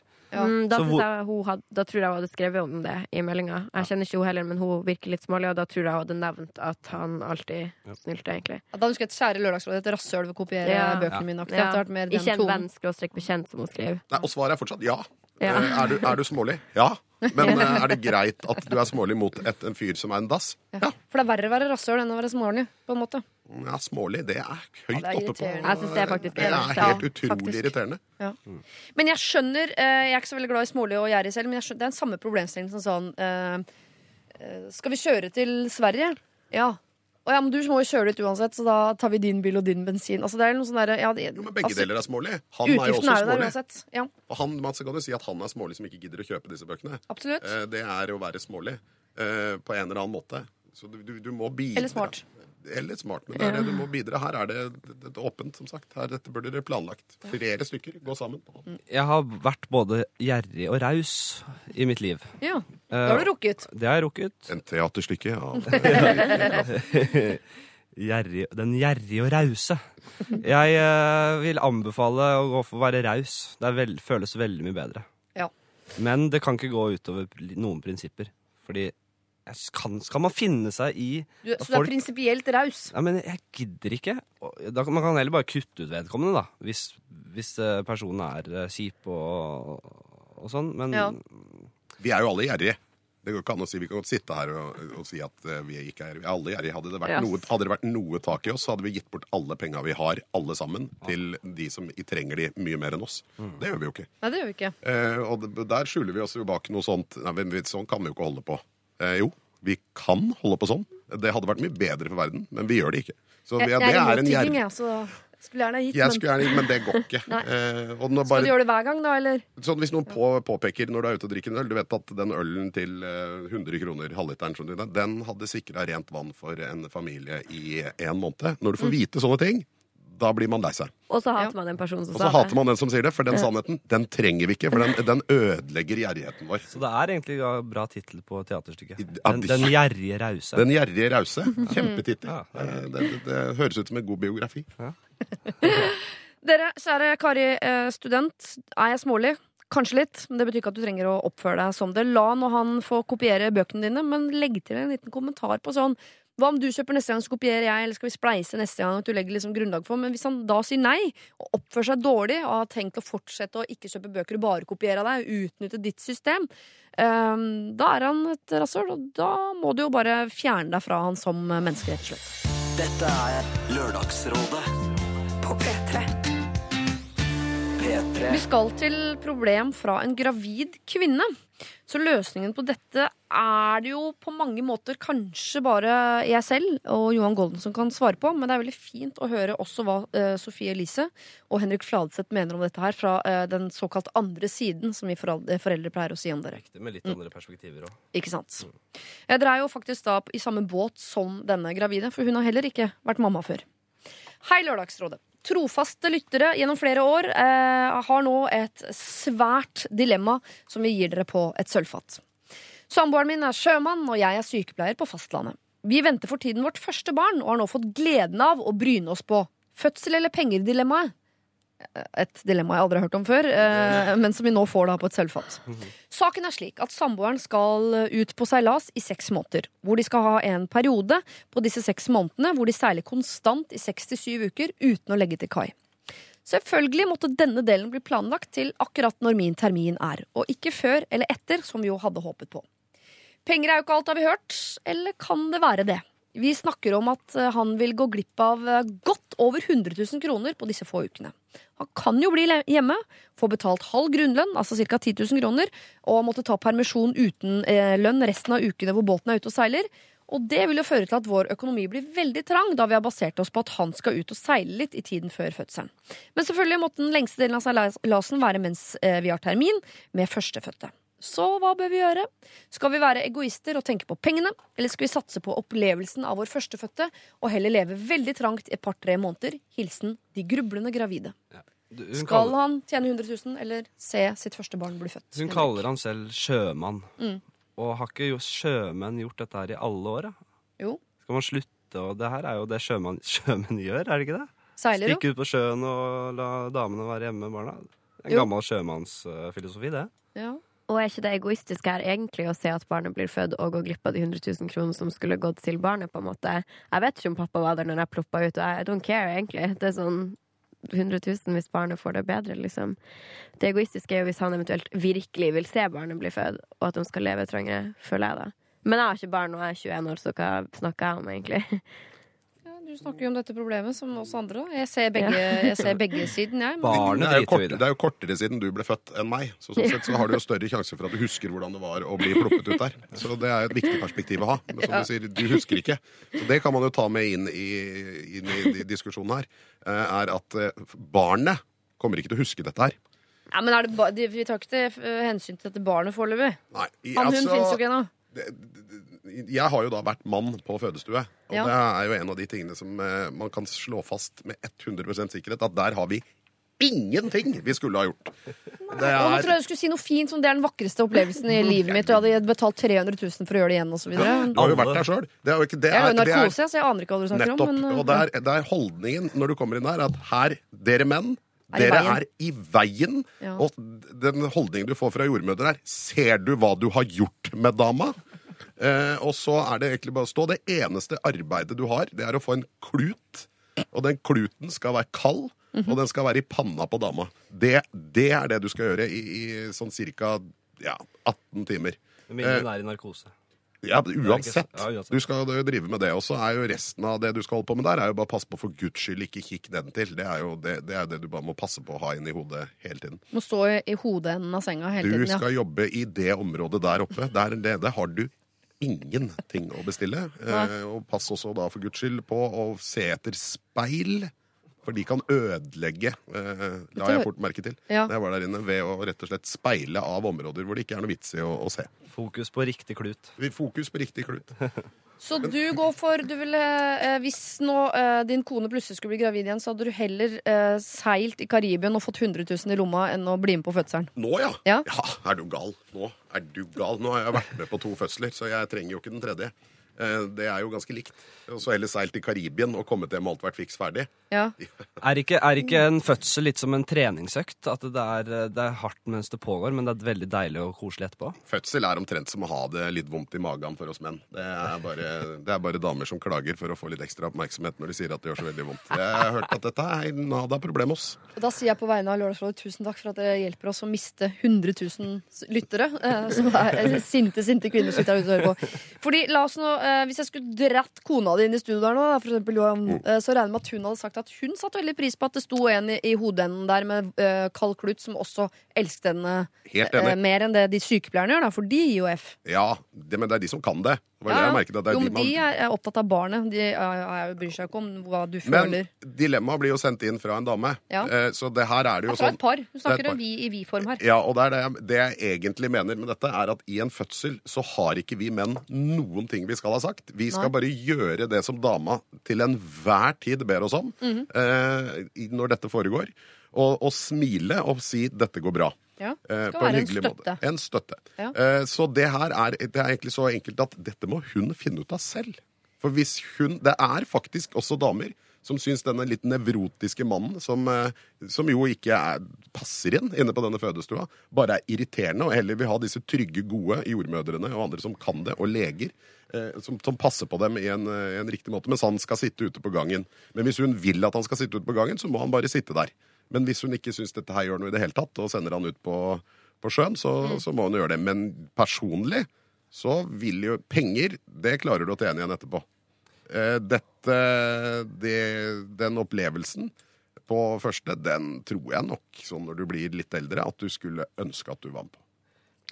Og den, altså, den får du ikke. Om Du kan ikke angre på den. Mens de 100 000 de finner du et eller annet annet sted. Og jeg tenker også at øh, bare, Om ikke nødvendigvis akkurat i fødselsøyeblikket, men i dagene før, dagene etterpå En ting er inne på fødestua, ok greit, hvem som helst kan holde en kald klut, men de første dagene når den lille babyen kommer hjem for første gang, den, eh, å være den støtten også for mor oppi dette her, som kanskje ikke får til amminga, eller ikke tør å gå på do for hun tror at babyen skal dø i rommet ved siden av, for det gjør man i begynnelsen. Og ikke ha han der, at han da skal drive og skvalpe rundt ute på sjøen der for å ha med seg 100 000 i koffert hjem. Du Hvis mannen min hadde valgt 100 000 framfor å være der i, når hans første fø- barn ble født, så hadde det eh, lille, lille barnet ikke hatt noe far. Men det- mulig ja. Men, nei, men det her er jo ikke det problemet. Det er jo ikke det at han ikke vil være der. Ja, men De vurderer jo da eh, De vurderer at han ikke er der Ja, for å komme de- hjem med 100 000 etterpå. Ja, ja, Men det er de som vurderer. Ja, men hun vet, hun, vet ikke hva, hun vet ikke hva det vil si. Plutselig stå der med et fremmed lite eh, eh, trekilos kjøttstykke. Tror jeg løsningen her, da, men jeg vet ikke om vi skal uh, høre på det. Jo. Ja. Ehm, hva om hun blir med på seilasen? Jobber litt med morse, noe morse og noe byssearbeid. Og så ta, og så og rigger til en fin fødestue og et sted der de kan være sånn med ungen i ettertid. Fleksiløsning. Ja, Ja, 100 000 rett inn i fôret. ja. Kanskje få 200 000 nå, hvis hun med jobber litt mens hun er der. Ja. Ja. Morse, sier jeg. Ja.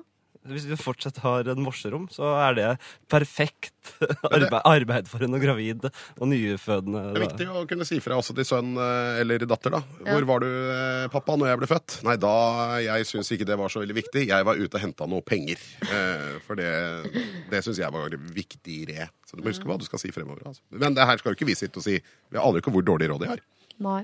Vet du hva, Jeg skal gi dere litt betenkningstid, for nå har det vært uh, mange forslag. og mange, uh, Vi har liksom egentlig gitt de mest spørsmål tilbake. Hvor ligger din moral, og hva vil du angre på, hva vil du ikke eh, angre på? og sånn. Eh, skissert opp mange muligheter her, men jeg har bedt dere rekke en hånd i været for eh, enten penger eller fødsel. Elise, hvor går din hånd? Penger eller fødsel? Um, vet ikke hvor Elise sin hånd går, men Sofie sin hånd går på uh, fødsel. Fødsel. Hva med eh, Golden? Fødsel. Fødsel. To for fødsel. Fladseth. Jeg går for fødsel. Eh, Tre for fødsel. Men jeg bare tenker at han kunne eh, klart å jobbe eh, hjemme, altså gjøre noe arbeid på kaia, bære noen kasser, pusse noen båter.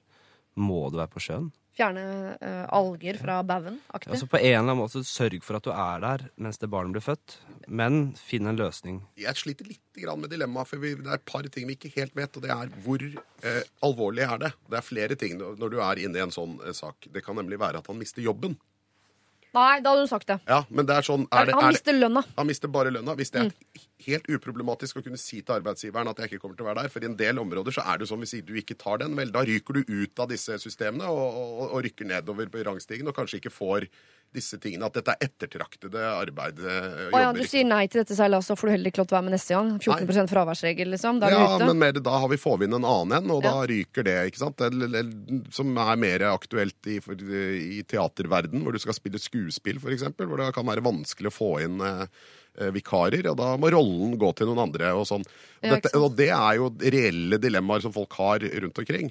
Så jeg føler hvis, de, hvis det bare er penger, Mm. Eh, og ikke noe av det, disse andre at farlig for, eh, for, for fremtiden, så er det et meget enkelt valg.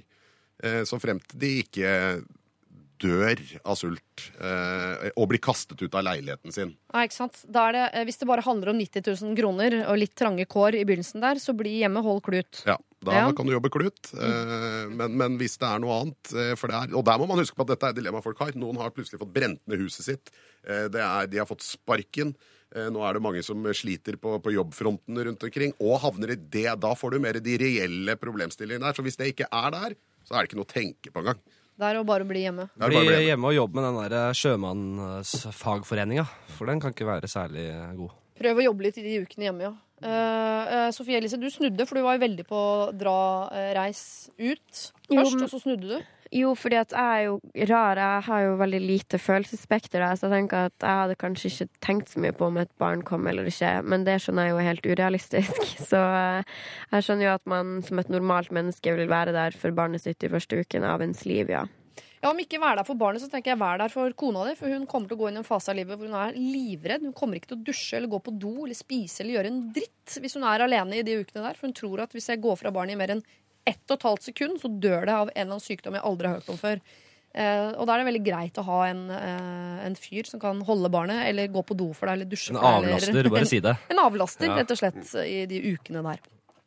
Så hvis det bare handler om de 90 000, ikke noe annet, du risikerer ikke noe å få brent ned eh, hjemmet ditt eller miste jobben eller noe som helst sånn, uh, ja, så blir du hjemme.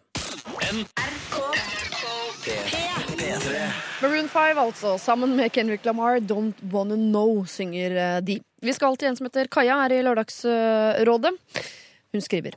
Kjære Lørdagsrådet. For to uker siden møtte jeg en australsk gutt. Vi fant fort tonen og har hengt flere ganger i uka. Pga. studiestart og dyre billetter har australieren valgt å bli i Norge i jula. Han kom til Norge for noen få måneder siden og har hittil bare jobba. Det virker som han har et OK forhold til sine kollegaer, men han har ikke fått noen ordentlige venner her. Problemet er at jeg får så vondt inni meg med tanken på at han skal sitte alene på hybelen sin på julaften. Så skal jeg invitere han til å feire jul med min familie.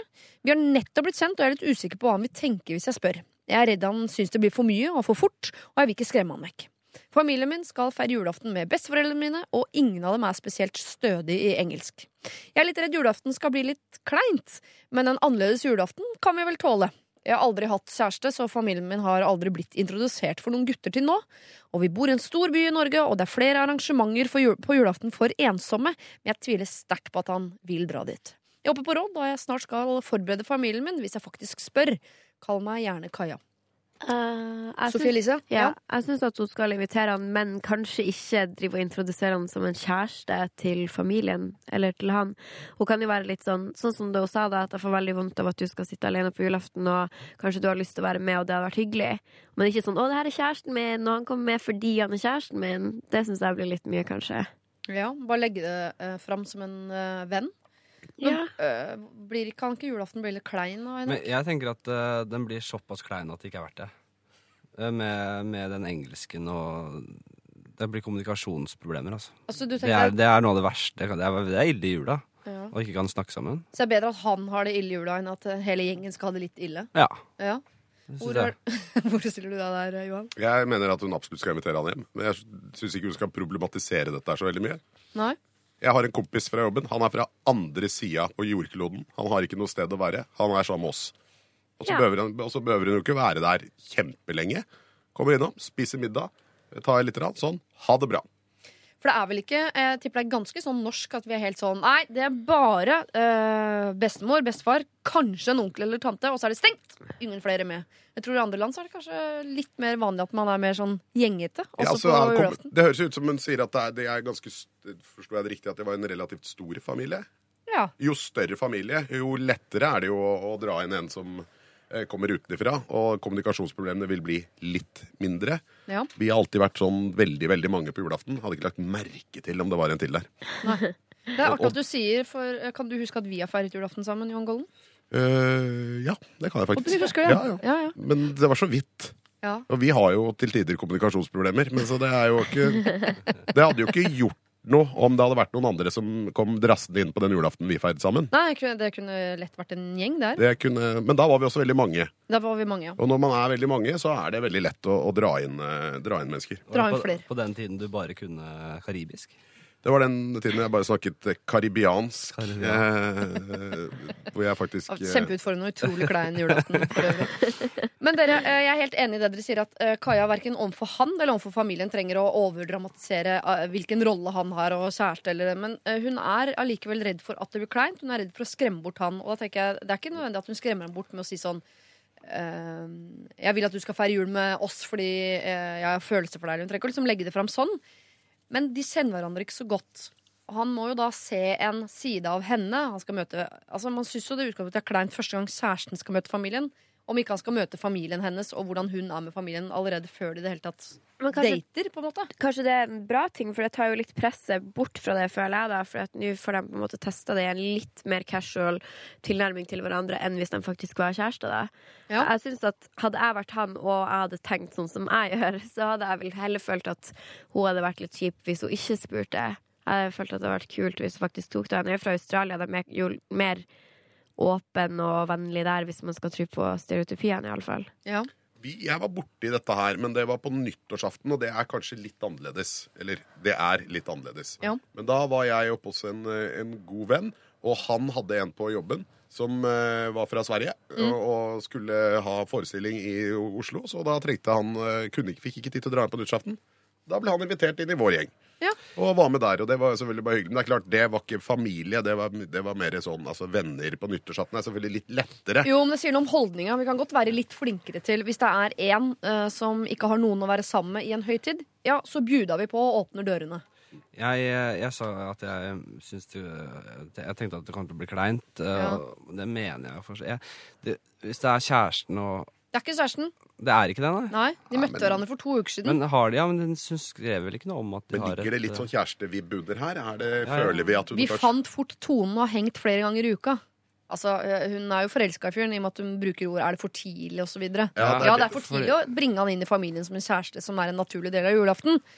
Men at en ensom australier skal få lov til å feire jul der, er vel det ikke for tidlig. Her, så her tror jeg tingen er å, å skille såkalt snørr og barter. Ja. Og bare ikke tenke Dette har ikke noe med eh, kjæresting å gjøre i det hele tatt. Dette handler bare om at det er en fyr som sitter aleine på julaften. Ja. Eh, En kollega. Og hadde du ikke hatt noen følelser overfor denne fyren, så hadde du tenkt at det var, hadde vært helt uproblematisk å ta den med inn. Ja. Så da må du bare legge disse 'jeg har lyst til å kysse deg'-følelsene bort. Eh, og så bare la han få lov å komme og spise litt, eh, og få drukket, drukket litt og spist litt, og så kan han Gøy dra for han å være med på en eh, norsk julefeiring også. Ja, Se på det som en slags det. aupairvirksomhet. da. Jeg, jeg mener jo at vi bør bli flinkere på å ta, ta, ta inn folk som ikke har det så bra i jula, altså.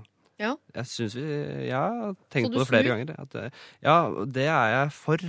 Men jeg bare tenker sånn kjæreste Han snakker ikke Han snakker engelsk. At det kan bli litt mye problemer for Er det verdt Det det? er engelsk, dette her. Det er, han snakker ikke indonesisk. Altså, det, det er yes og no. Ja, ja. Det, det kan selv bestemor, altså. Ja, Det kommer litt an på familien, da, selvfølgelig. Det kan jo gå helt fint, det der. Og jeg tenker også uh, tone ned på en måte hans rolle. Han er invitert inn som en ekstra gjest på julaften. Han kommer til å ha det hyggelig. Du trenger ikke på en måte at hele julaften skal dreie seg om han. At alle skal snakke med han om hva han har opplevd. Altså, det trenger ikke å være en sånn 100% fokus på han hele kvelden fra alle. Eh, Jeg tenker at eh, Ta med deg denne gutten du har møtt fra Australia inn. Vis han norske juletradisjoner. Ikke lag noe stort nummer ut av det.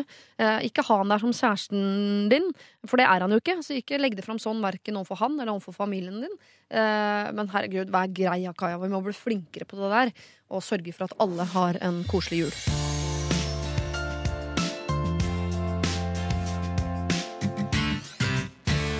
Vi skal til en som kaller seg for Askepott. Eh, Men før jeg sier hva Askepott sitt problem er, selv om det, det vet vi jo sånn fra eventyrene, men det er ikke helt likt, så trenger jeg å vite om dere har eh, søsken. Sofie Elise, har du søsken? Ja, lillesøster. Du har en lillesøster, ja. Det kommer godt med her. Henrik Fladseth, har du søsken? Mm, Storebror.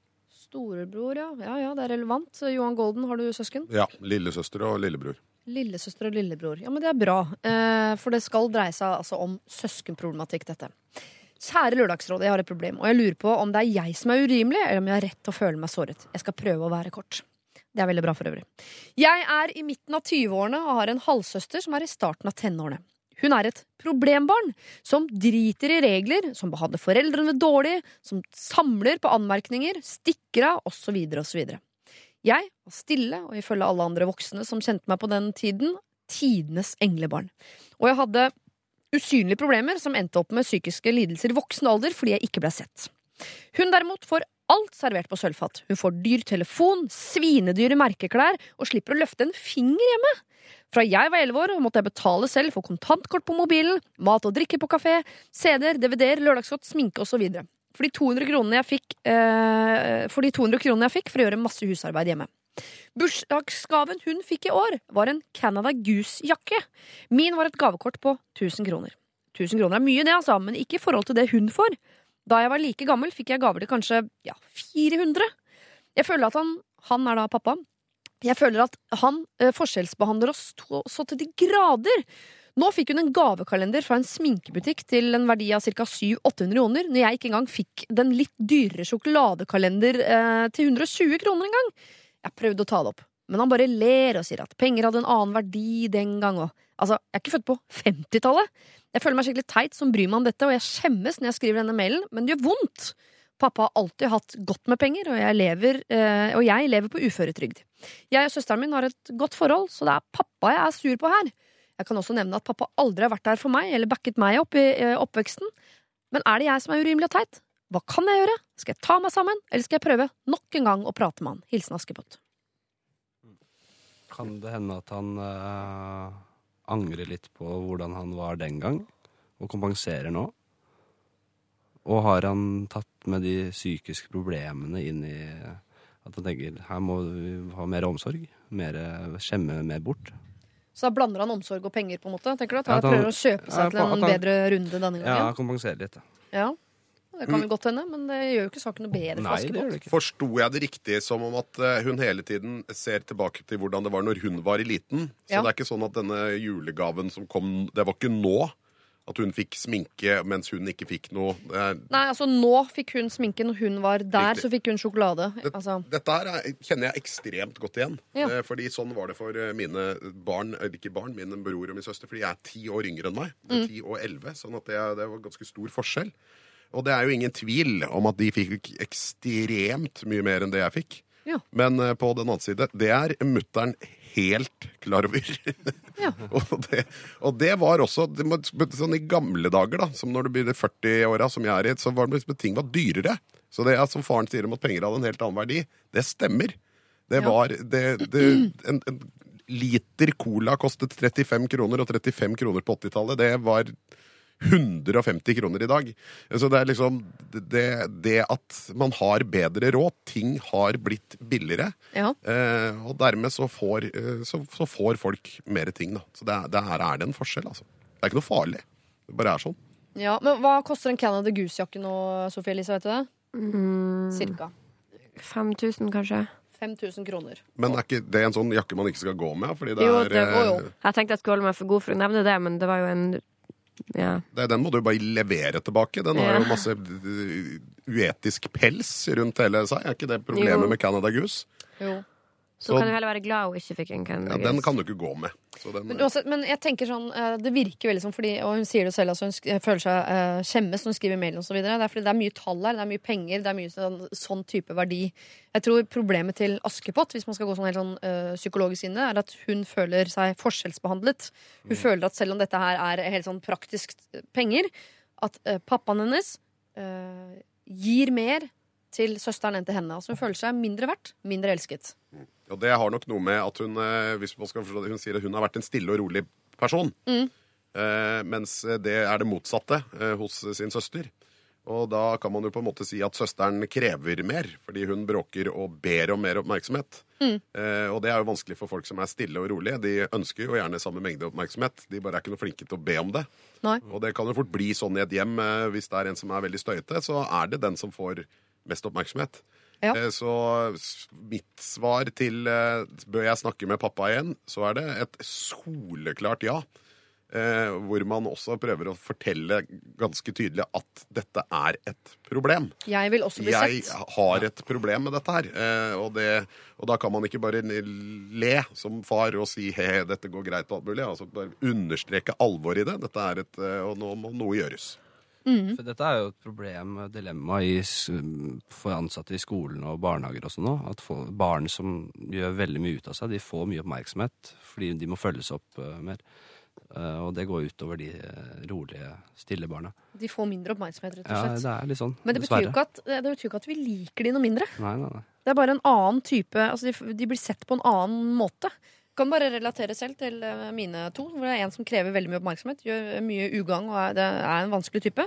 Og så er det en sånn stille, mild, søt, liten som ikke gjør så mye. Og det blir, jeg merker sjøl.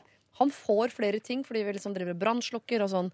Ja, hvis du bare er snill nå, så skal du få altså man, Vi holder på sånn hele tiden, og det tror jeg kanskje far her driver med den, eh, denne søsteren.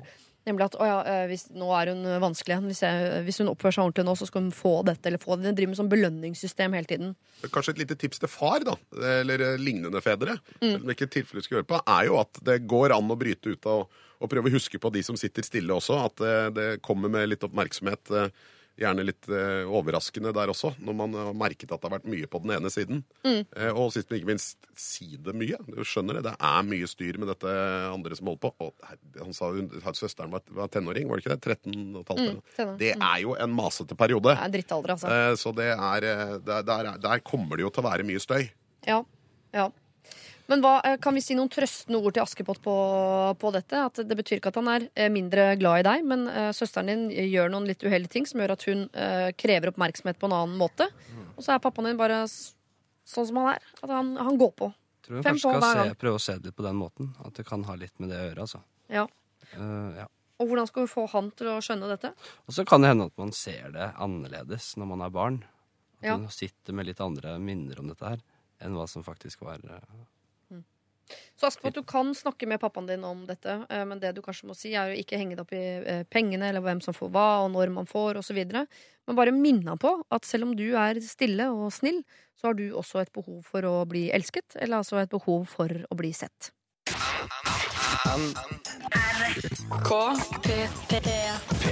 P3. Dagny og Burns med sin Fool's Gold her på NRK P3, hvor du hører på Lørdagsrådet, som nå skal over til en lystløgner. Line kaller hun seg. Eh, kjære Lørdagsrådet. Mitt problem er at jeg lyver. Jeg er nå 27 år gammel, og hele mitt liv har jeg løyet om både små og litt større ting. Da jeg var yngre, kunne jeg finne på å lyve om helt tilfeldige ting, som at faren min var fra Tyskland, selv om vi overhodet ikke har noe som helst tilknytning til det landet. Jeg løy om at jeg hadde forskjellige kjærester, ting som skjedde hjemme, og spennende ting jeg hadde opplevd. Det verste med det hele er kanskje at det var mine beste venner jeg løy til. Brydde meg ikke så mye om eh, andre jeg ikke kjente så godt, men de som skulle være mine venner, ble utsatt for disse løgnene. Jeg mistenker at de hele tiden har visst at jeg løy, men var for snille til å si noe til meg. Etter hvert som jeg ble eldre, ble løgnene mer seriøse. Jeg løy om at jeg gikk på medisiner for å roe meg ned, noe jeg overhodet ikke gjorde, og at jeg var sammen med en mye eldre gutt som jeg hadde ligget med. Jeg føler meg råtten og slem som hele tiden har produsert løgner for mine nærmeste venner. Jeg har sluttet med det nå, altså. Som liten hadde ikke familien min spesielt god råd, jeg ble mobba på skolen, og forholdet til min far har aldri vært spesielt godt. Jeg fortalte disse historiene for å lage en alternativ virkelighet for meg selv, som en ganske ensom liten jente. Burde jeg nå snakke med vennene mine om dette og avsløre at alt var fantasier og løgn en gang for alle? Jeg håper dere velger å ta opp dette, da det i senere tid har blitt ganske flaut å bære på dette, ettersom jeg fremdeles har disse vennene, og de er fremdeles mine nærmeste venner. Eh, og da jeg, jeg vet jo ikke om de har skjønt at det er løgner, eller om de, om de fremdeles tror det hele er sant. Vennlig hilsen Line Løgneren. Um, hun lyver ikke lenger, sa hun. Nei. Eller kanskje det er en løgn, man vet jo ikke. Men hun altså. Jeg kjenner meg igjen, fordi at når jeg var liten, så had, var i samme situasjon som hun, bortsett fra at jeg har et godt forhold til pappa, men hadde ikke masse penger, ikke mange venner, og fabrikkerte en virkelighet oppi hodet mitt da, for å trøste meg sjøl med små løgner da, når jeg gikk på barneskolen og sånn. Så jeg vet veldig hvordan det er. Men hvis hun føler at de løgnene er noe som på en måte henter henne inn igjen da, nå i senere tid, at det er noe om å forholde seg til eller bygge videre på selv om hun har slutta å lyge, så syns jeg at hun skal si det. Og det er faktisk ikke så vanskelig å si 'sorry, men jeg har hatt det sånn og sånn, og derfor har jeg løyet om ting'. Fordi at det er jo ingenting av løgnene hun har fortalt, sånn som det høres ut på eksemplene, som har gått utover andre, på en måte. Det har jo vært om hun sjøl sånne uviktige ting som at faren er fra Tyskland, eller at hun går på medisiner. Det har jo ingenting å si, på en måte. De liker vel sikkert hun for helt andre kvaliteter enn hvor faren hennes er fra, for eksempel. For de er jo fremdeles venner. Det mener jeg det er et godt tegn her. Så hun har jo ikke på en måte plaga noen eller gjort eh, skade. Hun har bare eh, fortalt om en virkelighet som ikke fins. Og vennene hennes vet det nok garantert. Tror dere det, alle sammen? Ja. Vennene vet om dette allerede? Kanskje ikke alt, men uh, de har nok avslørt en del av de løgnene. Ja. Og da er det greit å få det ut av, av verden. Ja, Sånn som når de drar og møter faren, som heter Gunnar. Ja. Og ser helt klart ut som om han kommer fra Hedmark. Og hun har måttet pakke opp at de har et sånt Nei, det er litt sånn utafor Lübeck. Der ser de sånn ut, og alle heter eh, Gunnar også i Tyskland. Ja. Og han er kjempegod til å snakke norsk. Eh, og at han faktisk ikke kan tysk, Nei. fordi han har klart å glemme det.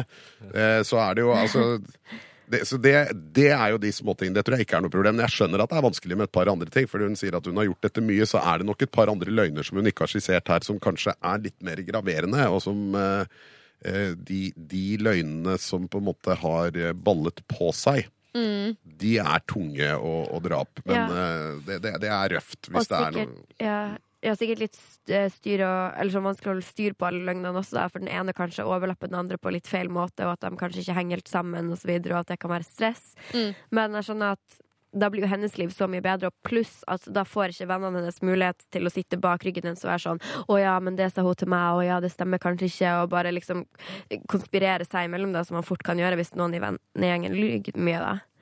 Eh, Så jeg føler at hun hadde gjort det bedre for seg sjøl. Vennene sine absolutt alt om hun hadde sagt det, og det er en klein og kjip samtale å ha, men jeg tror nok alle hadde forstått det, da. Ja, Er det ikke ganske vanlig å ha løyet på seg noen å, å ligge med den der ja. Jo. Det, er det, er- det er jo veldig sånn lite det, det er ikke noe farlig. Hvis du sier det, er sannsynligvis flere av vennene som har gjort akkurat det samme. Ja. Så det er jo det er jo bare sånn man driver med, er det ikke det? Jeg gjorde det i barnehagen. Jeg jugde at jeg, at jeg hadde ligget med kjæresten min i barnehagen. Som da hadde begynt på skolen. Men så kom jo de på besøk i barnehagen, alle de som hadde begynt på skolen, for å hilse på den gamle barnehagen sin. Ja. Da måtte jeg ta Omar, som han het, til side og fortelle Jeg har sagt til alle i barnehagen at vi har ligget sammen, men det har vi ikke. Nei. Hva sa Omar da? Han sa nei, jeg vet det. Vi har jo ikke det. Dette drev du med i barnehagen, ja. Barnehagen, ja. Ja. Mm, Det er Det. det er mørkt. det, det er mørkt. Men ok, jeg tenker hun bør øh, plukke seg ut en del de tingene hun sliter mest med, som hun Ja. løy om. Og så ikke, ikke si 'ja, jeg løy masse', men vær konkret på hva hun løy om, og så Mm. få det ut av verden. Og si 'ok, jeg driver ikke med det mer, men det løy jeg om'. Og så kanskje si fra hva, hvorfor. Jeg har gjort litt sånn og sånn, nå plager det meg litt, grann, så jeg har liksom sagt noen usannheter. Og så kanskje, hun, kanskje hvis de vennene er litt ålreit, at de på en måte lar henne ikke fortelle alt. At ikke de går inn på at ja, hva, hva da? Men at du kan si sånn som at faren min er jo ikke det, og jeg vet ikke helt hvorfor jeg har sagt det. Og jeg gikk ikke på de pillene, jeg bare følte meg dårlig, og, og nærmest sånn bla, bla. Også kanskje ikke det blir så mye graving som å liksom gå inn på hver enkelt lille ting, og så kanskje eller bare men nå føler jeg meg dårlig, jeg føler at jeg har løyet for dere. Jeg vil gjerne ja, med recovering løgner eh, og kjøre det på den måten. Vet, Jeg hører han, på dere øh, alle tre at dere er for at hun skal uh, ta han, opp han med vennene sine. Han, Gunnar, han lusekoften. Han med luskafta, han er ikke Han, tysk. han er ikke tysk. Jeg jeg er helt enig med dere at Line Løgnaren bør snakke med vennene sine om at hun har løyet. Om ikke annet bare for å få bort en sånn der ubehag som sikkert er i den vennegjengen med at hun alltid har ljugd. Så hun er kanskje ikke en vi kan stole på osv. For å få fjerna den, så skal hun ta det med én, med alle. Skal hun be den ene ta det opp med alle? Eller hvor, hvordan gjør man dette i praksis? Jeg syns hun er ganske klar her. Hun sier hun har en del venner som hun fortsatt henger med. Uh, og hun har en dårlig samvittighet, og det er noen av de tingene hun henne. Så ta det opp med de det gjelder. En, kanskje helst én og én, ikke samle inn til gruppesamtale. Hvorfor det? Ja, fordi det er litt sånn ja, Jeg kan gjøre det òg, men kanskje best å ta det én og én. Jeg. Det Fordi spørs da- jo helt hvordan gjeng de er. Da, Ja, det kommer helt veldig an på. selvfølgelig. Ja. Hvis de er veldig sånn en gjeng på fire, la oss si, der de henger sammen og gjør alt sammen, så er det jo gjerne greit å ta alle sammen samtidig, hvis man har et like nært forhold til alle. Men som regel så har man jo ulike roller i en vennegjeng, og kanskje man ser på én som den mest rolige eller minst dramatiske, og kanskje greit å ta det med den først, og så alle de andre i samleflokk for å få det bringt videre, kan også være litt stressa. Sånn kan du si til de andre at jeg sa dette, da blir det også litt feil. Men jeg tror at hvis hun hadde sagt det til alle, så hadde hun kanskje brått blitt framstilt som den mest ærlige i vennegjengen, som bare kunne komme clean og sagt at jeg faktisk lygd en del, for at alle har dratt en løgn. Mm. Så kanskje det blir, hun blir helt sudom da, og blir liksom en helgen i vennegjengen da. Ja. Kanskje du kan gjøre en litt sånn morsom greie ut av det. Samle alle, og så sier dere du vet, eh, den tyske faren min. Mm. Han er ikke tysk. Og så har hun med han, som kommer inn med sånn he- Hedmarks uh, folkedans og bunad. Ja. Og da stepper seg inn med noe folkedans. Ja, for jeg var ute etter en sånn jeg enig, Eller hun kunne uh, hatt gravøl for den gamle lystløgneren som ikke lenger fins, eller gjort et eller annet nummer ut av. Men det jeg bare er på jakt etter, er Det er litt farlig å gjøre for stort nummer ut av det. Ja. Hvis dette er noe ingen har tenkt på, så skal hun ha en sånn en, kalle inn til eh, råd blant i eh, gjengen, så alle setter seg ned. Det er rolig stemning. At, det liksom, Ja. at hun Men hva hvis hun sier det på vors, da? Hvis hun sier sånn Å, forresten, dere, jeg vet ikke om dere har lagt merke til det, men det har slitt litt på meg i det siste. Jeg har tenkt på det, at gjennom oppveksten min så har det ligget en del på grunn av sånn og sånn. Blant annet til dere. Jeg har dårlig samvittighet for det, for at jeg gjør ikke det lenger, og vil på en måte starte på New ark, og ja, sånn er det. Ja. Men eh, ja, ta de ta, eh, konkrete saker. Konkrete- Ikke si 'jeg løy masse', og så Mm. må hun sitte der og Ja, det der med at du hadde sex med han Ja, det var løgn. Ja, men da kan Og- du si før, ja, det var løgn, det også. og så kan du ramse opp et par ting. Ja, si det. Faren eh, jeg hadde ikke sex med han. Det er fem, seks, syv, åtte Det som måtte plage henne mest. da Ja. Hva tenker du, Johan? Skal du ta det opp med én eller alle? Konkrete Jeg saker, ville- eller bare Nei, jeg ville bare det, som, det kommer litt an på hvor alvorlig, og man vet ikke. Jeg tror jo at når man har gjort dette, så betyr det at hun ikke er en sånn veldig, veldig sikker person. Ja. Eh, Så en del av de rådene vi kommer med her nå, fordrer kanskje at hun skal være en veldig selvsikker person, som bare Ja. kan stå der og si nei da, jeg dreit meg ut, nå går alt greit. Det er ikke så lett hvis man ikke er den personen. Nå håper jeg det kommer med rådet jeg eh, Så jeg eh, tror jeg ville sagt det til én person, og kanskje bedt de om hjelp til å si det til resten. Ja. og si at man ikke syns det er så veldig lett å snakke om, og, men få det til én, så man får sagt det på riktig måte. Og, og at man heller bare vil si unnskyld, og så kanskje noen andre kommer bort etterpå, så kan man si sorry. Det viktige er bare å si at det altså, ja. For jeg vet jo hva jeg helt klart hadde gjort her. Jeg hadde sendt en mail. En mail til alle som de kunne lese i ro og mak. Hvor jeg forklarte meg, kjære sånn, sånn, sånn, Og så vet man at eh, noen dager etterpå så skal man på dette vorspielet. Og da kan man snakke om og da eh, ha, prøve å ha så lett stemning rundt det at noen kan si sånn Han faren din, var han fra Tyskland? Eller, Nei, nei, nei, og ikke lå jeg med han fyren jeg sa det ligger med hele, bla, bla, bla. Så blir det litt sånn røring rundt det. Men at man tar den alvorlige, den sårbare sånn nå står jeg fram-delen av det, i brevform. Eller mail, da, selvfølgelig. Eller Facebook-melding for dem som er på min alder. Ikke sant? Det, det, er, det er forsket litt på folk som ly, lyver, Ja. og kom, eh, de har kommet fram til at eh, de ofte eh, blir ganske smarte, fordi de har så mange ting og eh, hemmeligheter å holde på, og som de må ha system i, og eh, som ikke kan, sprekker, da. Ja. Det, er litt, det tror jeg litt, det virker litt logisk. Kan tenke på det, da blir du smart. Ja. Eller er. Det er ikke bare negativt, det der. Nei, at hun antakeligvis har blitt smart av det. Men Kan hende hun er idiot, det vet jeg ikke. Men, uh, Nei, det får jeg ikke inntrykk av. Nei. Får ikke inntrykk av det i mail. Det er ikke så ofte Nei. jeg får det inntrykk av folk i mail. Altså. Nei. Men mm, kjære Line Løgneren, som du kaller deg. Du må stå fram. Du må på en måte bekjenne dine synder her, men ikke gjør det verre enn det er. Uh, og hvis du er ukomfortabel med å ta det opp med en gruppe, så kanskje ta det med én først. Eller så kan du få lov til å sende det som mail, eller du kan sende det på Facebook. Men at du på en eller annen måte må stå fram med dette her, det er vi helt enige om. Dette er er P3. Dere, Vi skal dele ut en kopp til den eller de. Det er noen som har sendt inn problem som par her i dag, som dere mener at uh, fortjener en kopp aller, aller mest. Hvorfor? Det bestemmer dere selv, om det er eh, av uh, triste grunner, glade grunner, praktiske grunner, eller hva det nå enn måtte være. Jeg skal gå gjennom alle kandidatene fra toppen. Altså, Vi startet med Gorm i dag, som har åpnet hele julekalenderen sin alle 24 lukene og funnet ut at han har vunnet 10 000 kroner i juleflaks. Og lurer på om han skylder å bruke disse pengene på eh, resten av familien, på dyrere julegaver, om han i tatt må si noe, eller om han kan bruke pengene på seg selv. Eh, vi gikk vel for du trenger ikke å si noe, og du må gjerne bruke det på deg selv. Men hvis du har lyst til å virke som en skikkelig kul fyr på julaften, så kan du selvfølgelig ha lagt inn noen ekstra hundrelapper på julegaven i år. Emma er redd for at eh, fyren hun driver og dater, skal glemme henne i jula. For han er ikke så mye på sosiale medier, så det er ikke sikkert de kommer til å snakke sammen i det hele tatt på de to ukene de er fra hverandre. Liker han deg ordentlig ordentlig godt, noe Sofie Elise mistenker at han kanskje ikke gjør, så eh, kommer han ikke til å glemme deg. Men liker han deg veldig, veldig, veldig godt, så gjør han det jo heller ikke. Mikkel lurer på Er jeg ikke homofil allikevel? Han har vært homofil i mange mange år. Eller altså han har hatt eh, mannlig kjæreste. Mange mannlige kjærester. Han har mannlig samboer. Og så lå han med en dame på jobben, og det var altså så digg at nå eh, er han usikker på hele sin seksualitet.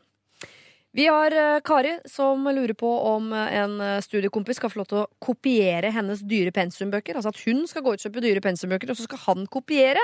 Og lurer på om hun er smålig. Kanskje litt, men det er vi alle. Og det er verre å være smålig enn å være rasshøl, så la nå han fyren få lov til å kopiere bøkene dine. Eh, Vi har de grublende, altså dette paret, som lurer på om han skal være på sjøen og tjene 100 000 idet hun føder hans barn, eller om han skal drite i pengene, bli hjemme og hjelpe til eh, før, under og etter fødselen. Der er jeg inhabil, men jeg klarte ikke å la være å holde kjeft, og eh, trumfet vel gjennom at han måtte bli hjemme med sin fødende kone. Jeg beklager, sånn er det noen ganger. Eh, ganske ofte. Eh, Kaja lurer på om hun skal ta med seg en fremmed australier hjem til julefeiring. Men hvilke signaler sender det egentlig? Herregud, drit med det. Det er jo kjempekoselig. Jo flere, jo hyggeligere. Australieren blir med hjem. Askepott er eh, sint på faren sin, for han forskjellsbehandler henne og søsteren. Hun får dyrere gaver enn det hun fikk, osv. Skal hun ta det opp med han? Ja, snakk gjerne med faren din om at du eh, også har behov for å bli sett. Og så til slutt da, så har vi jo da eh, Line Løgneren som lurer på om hun må stå fram for alle vennene sine og si at jeg har jugd en del opp gjennom i åra om smått og stort. Ja, var veldig korte svaret på det. Hvem syns du fortjener kopp, Sofie Elise? Um, jeg står mellom to, og det er enten de grublende eller løgneren. Ja. Um, men jeg tror kanskje jeg føler løgneren, for da kan hun kanskje få en ekstra boost til å bare si det til vennene sine, og i tillegg ha en kopp, og så blir det en sånn lol-greie, og kan si at hun sendte det inn her, da. Ja. Kopp til Line Løgnar, altså, fra Sofie Elise. Hva tenker du, Henrik? Nei, den går Henrik? til eh, Mikkel. Ja. Nei, for at da blir jo samboeren hans og se den og bare 'Hvorfor har du en kopp fra P3?' er liksom. veldig godt Har du poeng. vært utro, eller? Veldig godt poeng, Sofie. Ja, det, for jeg tenkte det samme, men så er jeg sånn Jeg tenker liksom, mm, kan jo, Da kan han uh, drikke te i jula og tenke Med den over- mystiske koppen. Ja, og ja fader, du ødela alt for meg du nå. Ja. Jeg tenker eh, drikke te i jula, tenke over sin egen legning og for, samboerskap. Typisk gul. Jeg drakk det og tenkte over legningen. Sånn er det hvert år det. Ja. Men eh, ja, Trekker du- trekker du det forslaget, Jeg trekker meg. Ja. Da sitter jeg igjen med Få gi den til uh, Askepott. Du slenger Askepott i potten. Hva var det hun eh, sleit med igjen? Er søsteren. Som hun blir forskjellsbehandla. Hun og søsteren. Nei. Nei. eh, Dere må uansett bli enige, så det beste er om du slenger deg på et av forslagene til Sofie Elise. Lystløgneren, det var veldig bra. Så Mm. viser du koppen, øy, nå er- så blir det en litt sånn morsom greie. Ja. Veldig bra. Hiver du deg på, Johan, eller har du Nei, egne kuppa hele kandidater? min. Jeg har egne kandidater, Ja. ja. Jeg går for Askepott. Du går for Askepott, ja. Ja. Jeg syns at denne damen som eh, ikke har fått en dritt eh, gjennom hele sitt liv og blitt forskjellsbehandlet fra sin far, i det minste skal få en kopp fra oss. Men i og med at det er bare jeg som har et stort hjerte av disse andre her, så skjønner jeg jo at jeg blir stemt fullstendig ned. eh. Kan jeg overbestemme meg en gang til, så støtter jeg Johan sin. eh, OK, da kan jeg lyge og si at jeg er enig, og så kan Askepott få den. Ja, så fint av dere. Alle er med på uh, kopp. Alle her er helt enige og har blitt uh, Har ikke hun slitt nok? Har ikke hun slitt nok? Hun Alle er hjernevasket av Johan Golden uh, og er med på en kopp til Askepott. Jeg syns det er veldig fint, jeg, folkens. Det er raust av dere. Overhodet ikke smålig. Og eh, jeg tror Er det raust? Raust. Raust. Raust. Rævest. Eh, jeg tror Askepott blir glad for den eh, koppen, og det er i hvert fall noe søsteren ikke får. Med mindre hun sender inn et problem da, som er bedre, mer juicy, og som vi blir enda mer glad i. på Da får eller hun annen bare måte. kopp, hun òg. Ja, Får da. vel ikke to kopper. Får ikke to, nei. Nei. Altså, da er de eh, likebehandlet, ja. Det er noe fint i det. Tusen takk, Sofie Elise. Tusen takk, Henrik Fladseth. Og tusen takk, Johan Golden, for at dere var med i Lørdagsrådet i dag. Og så, nå er det vel på høytid å si god jul, er det ikke det? God jul. God jul. Dette er P3. Dette er P3.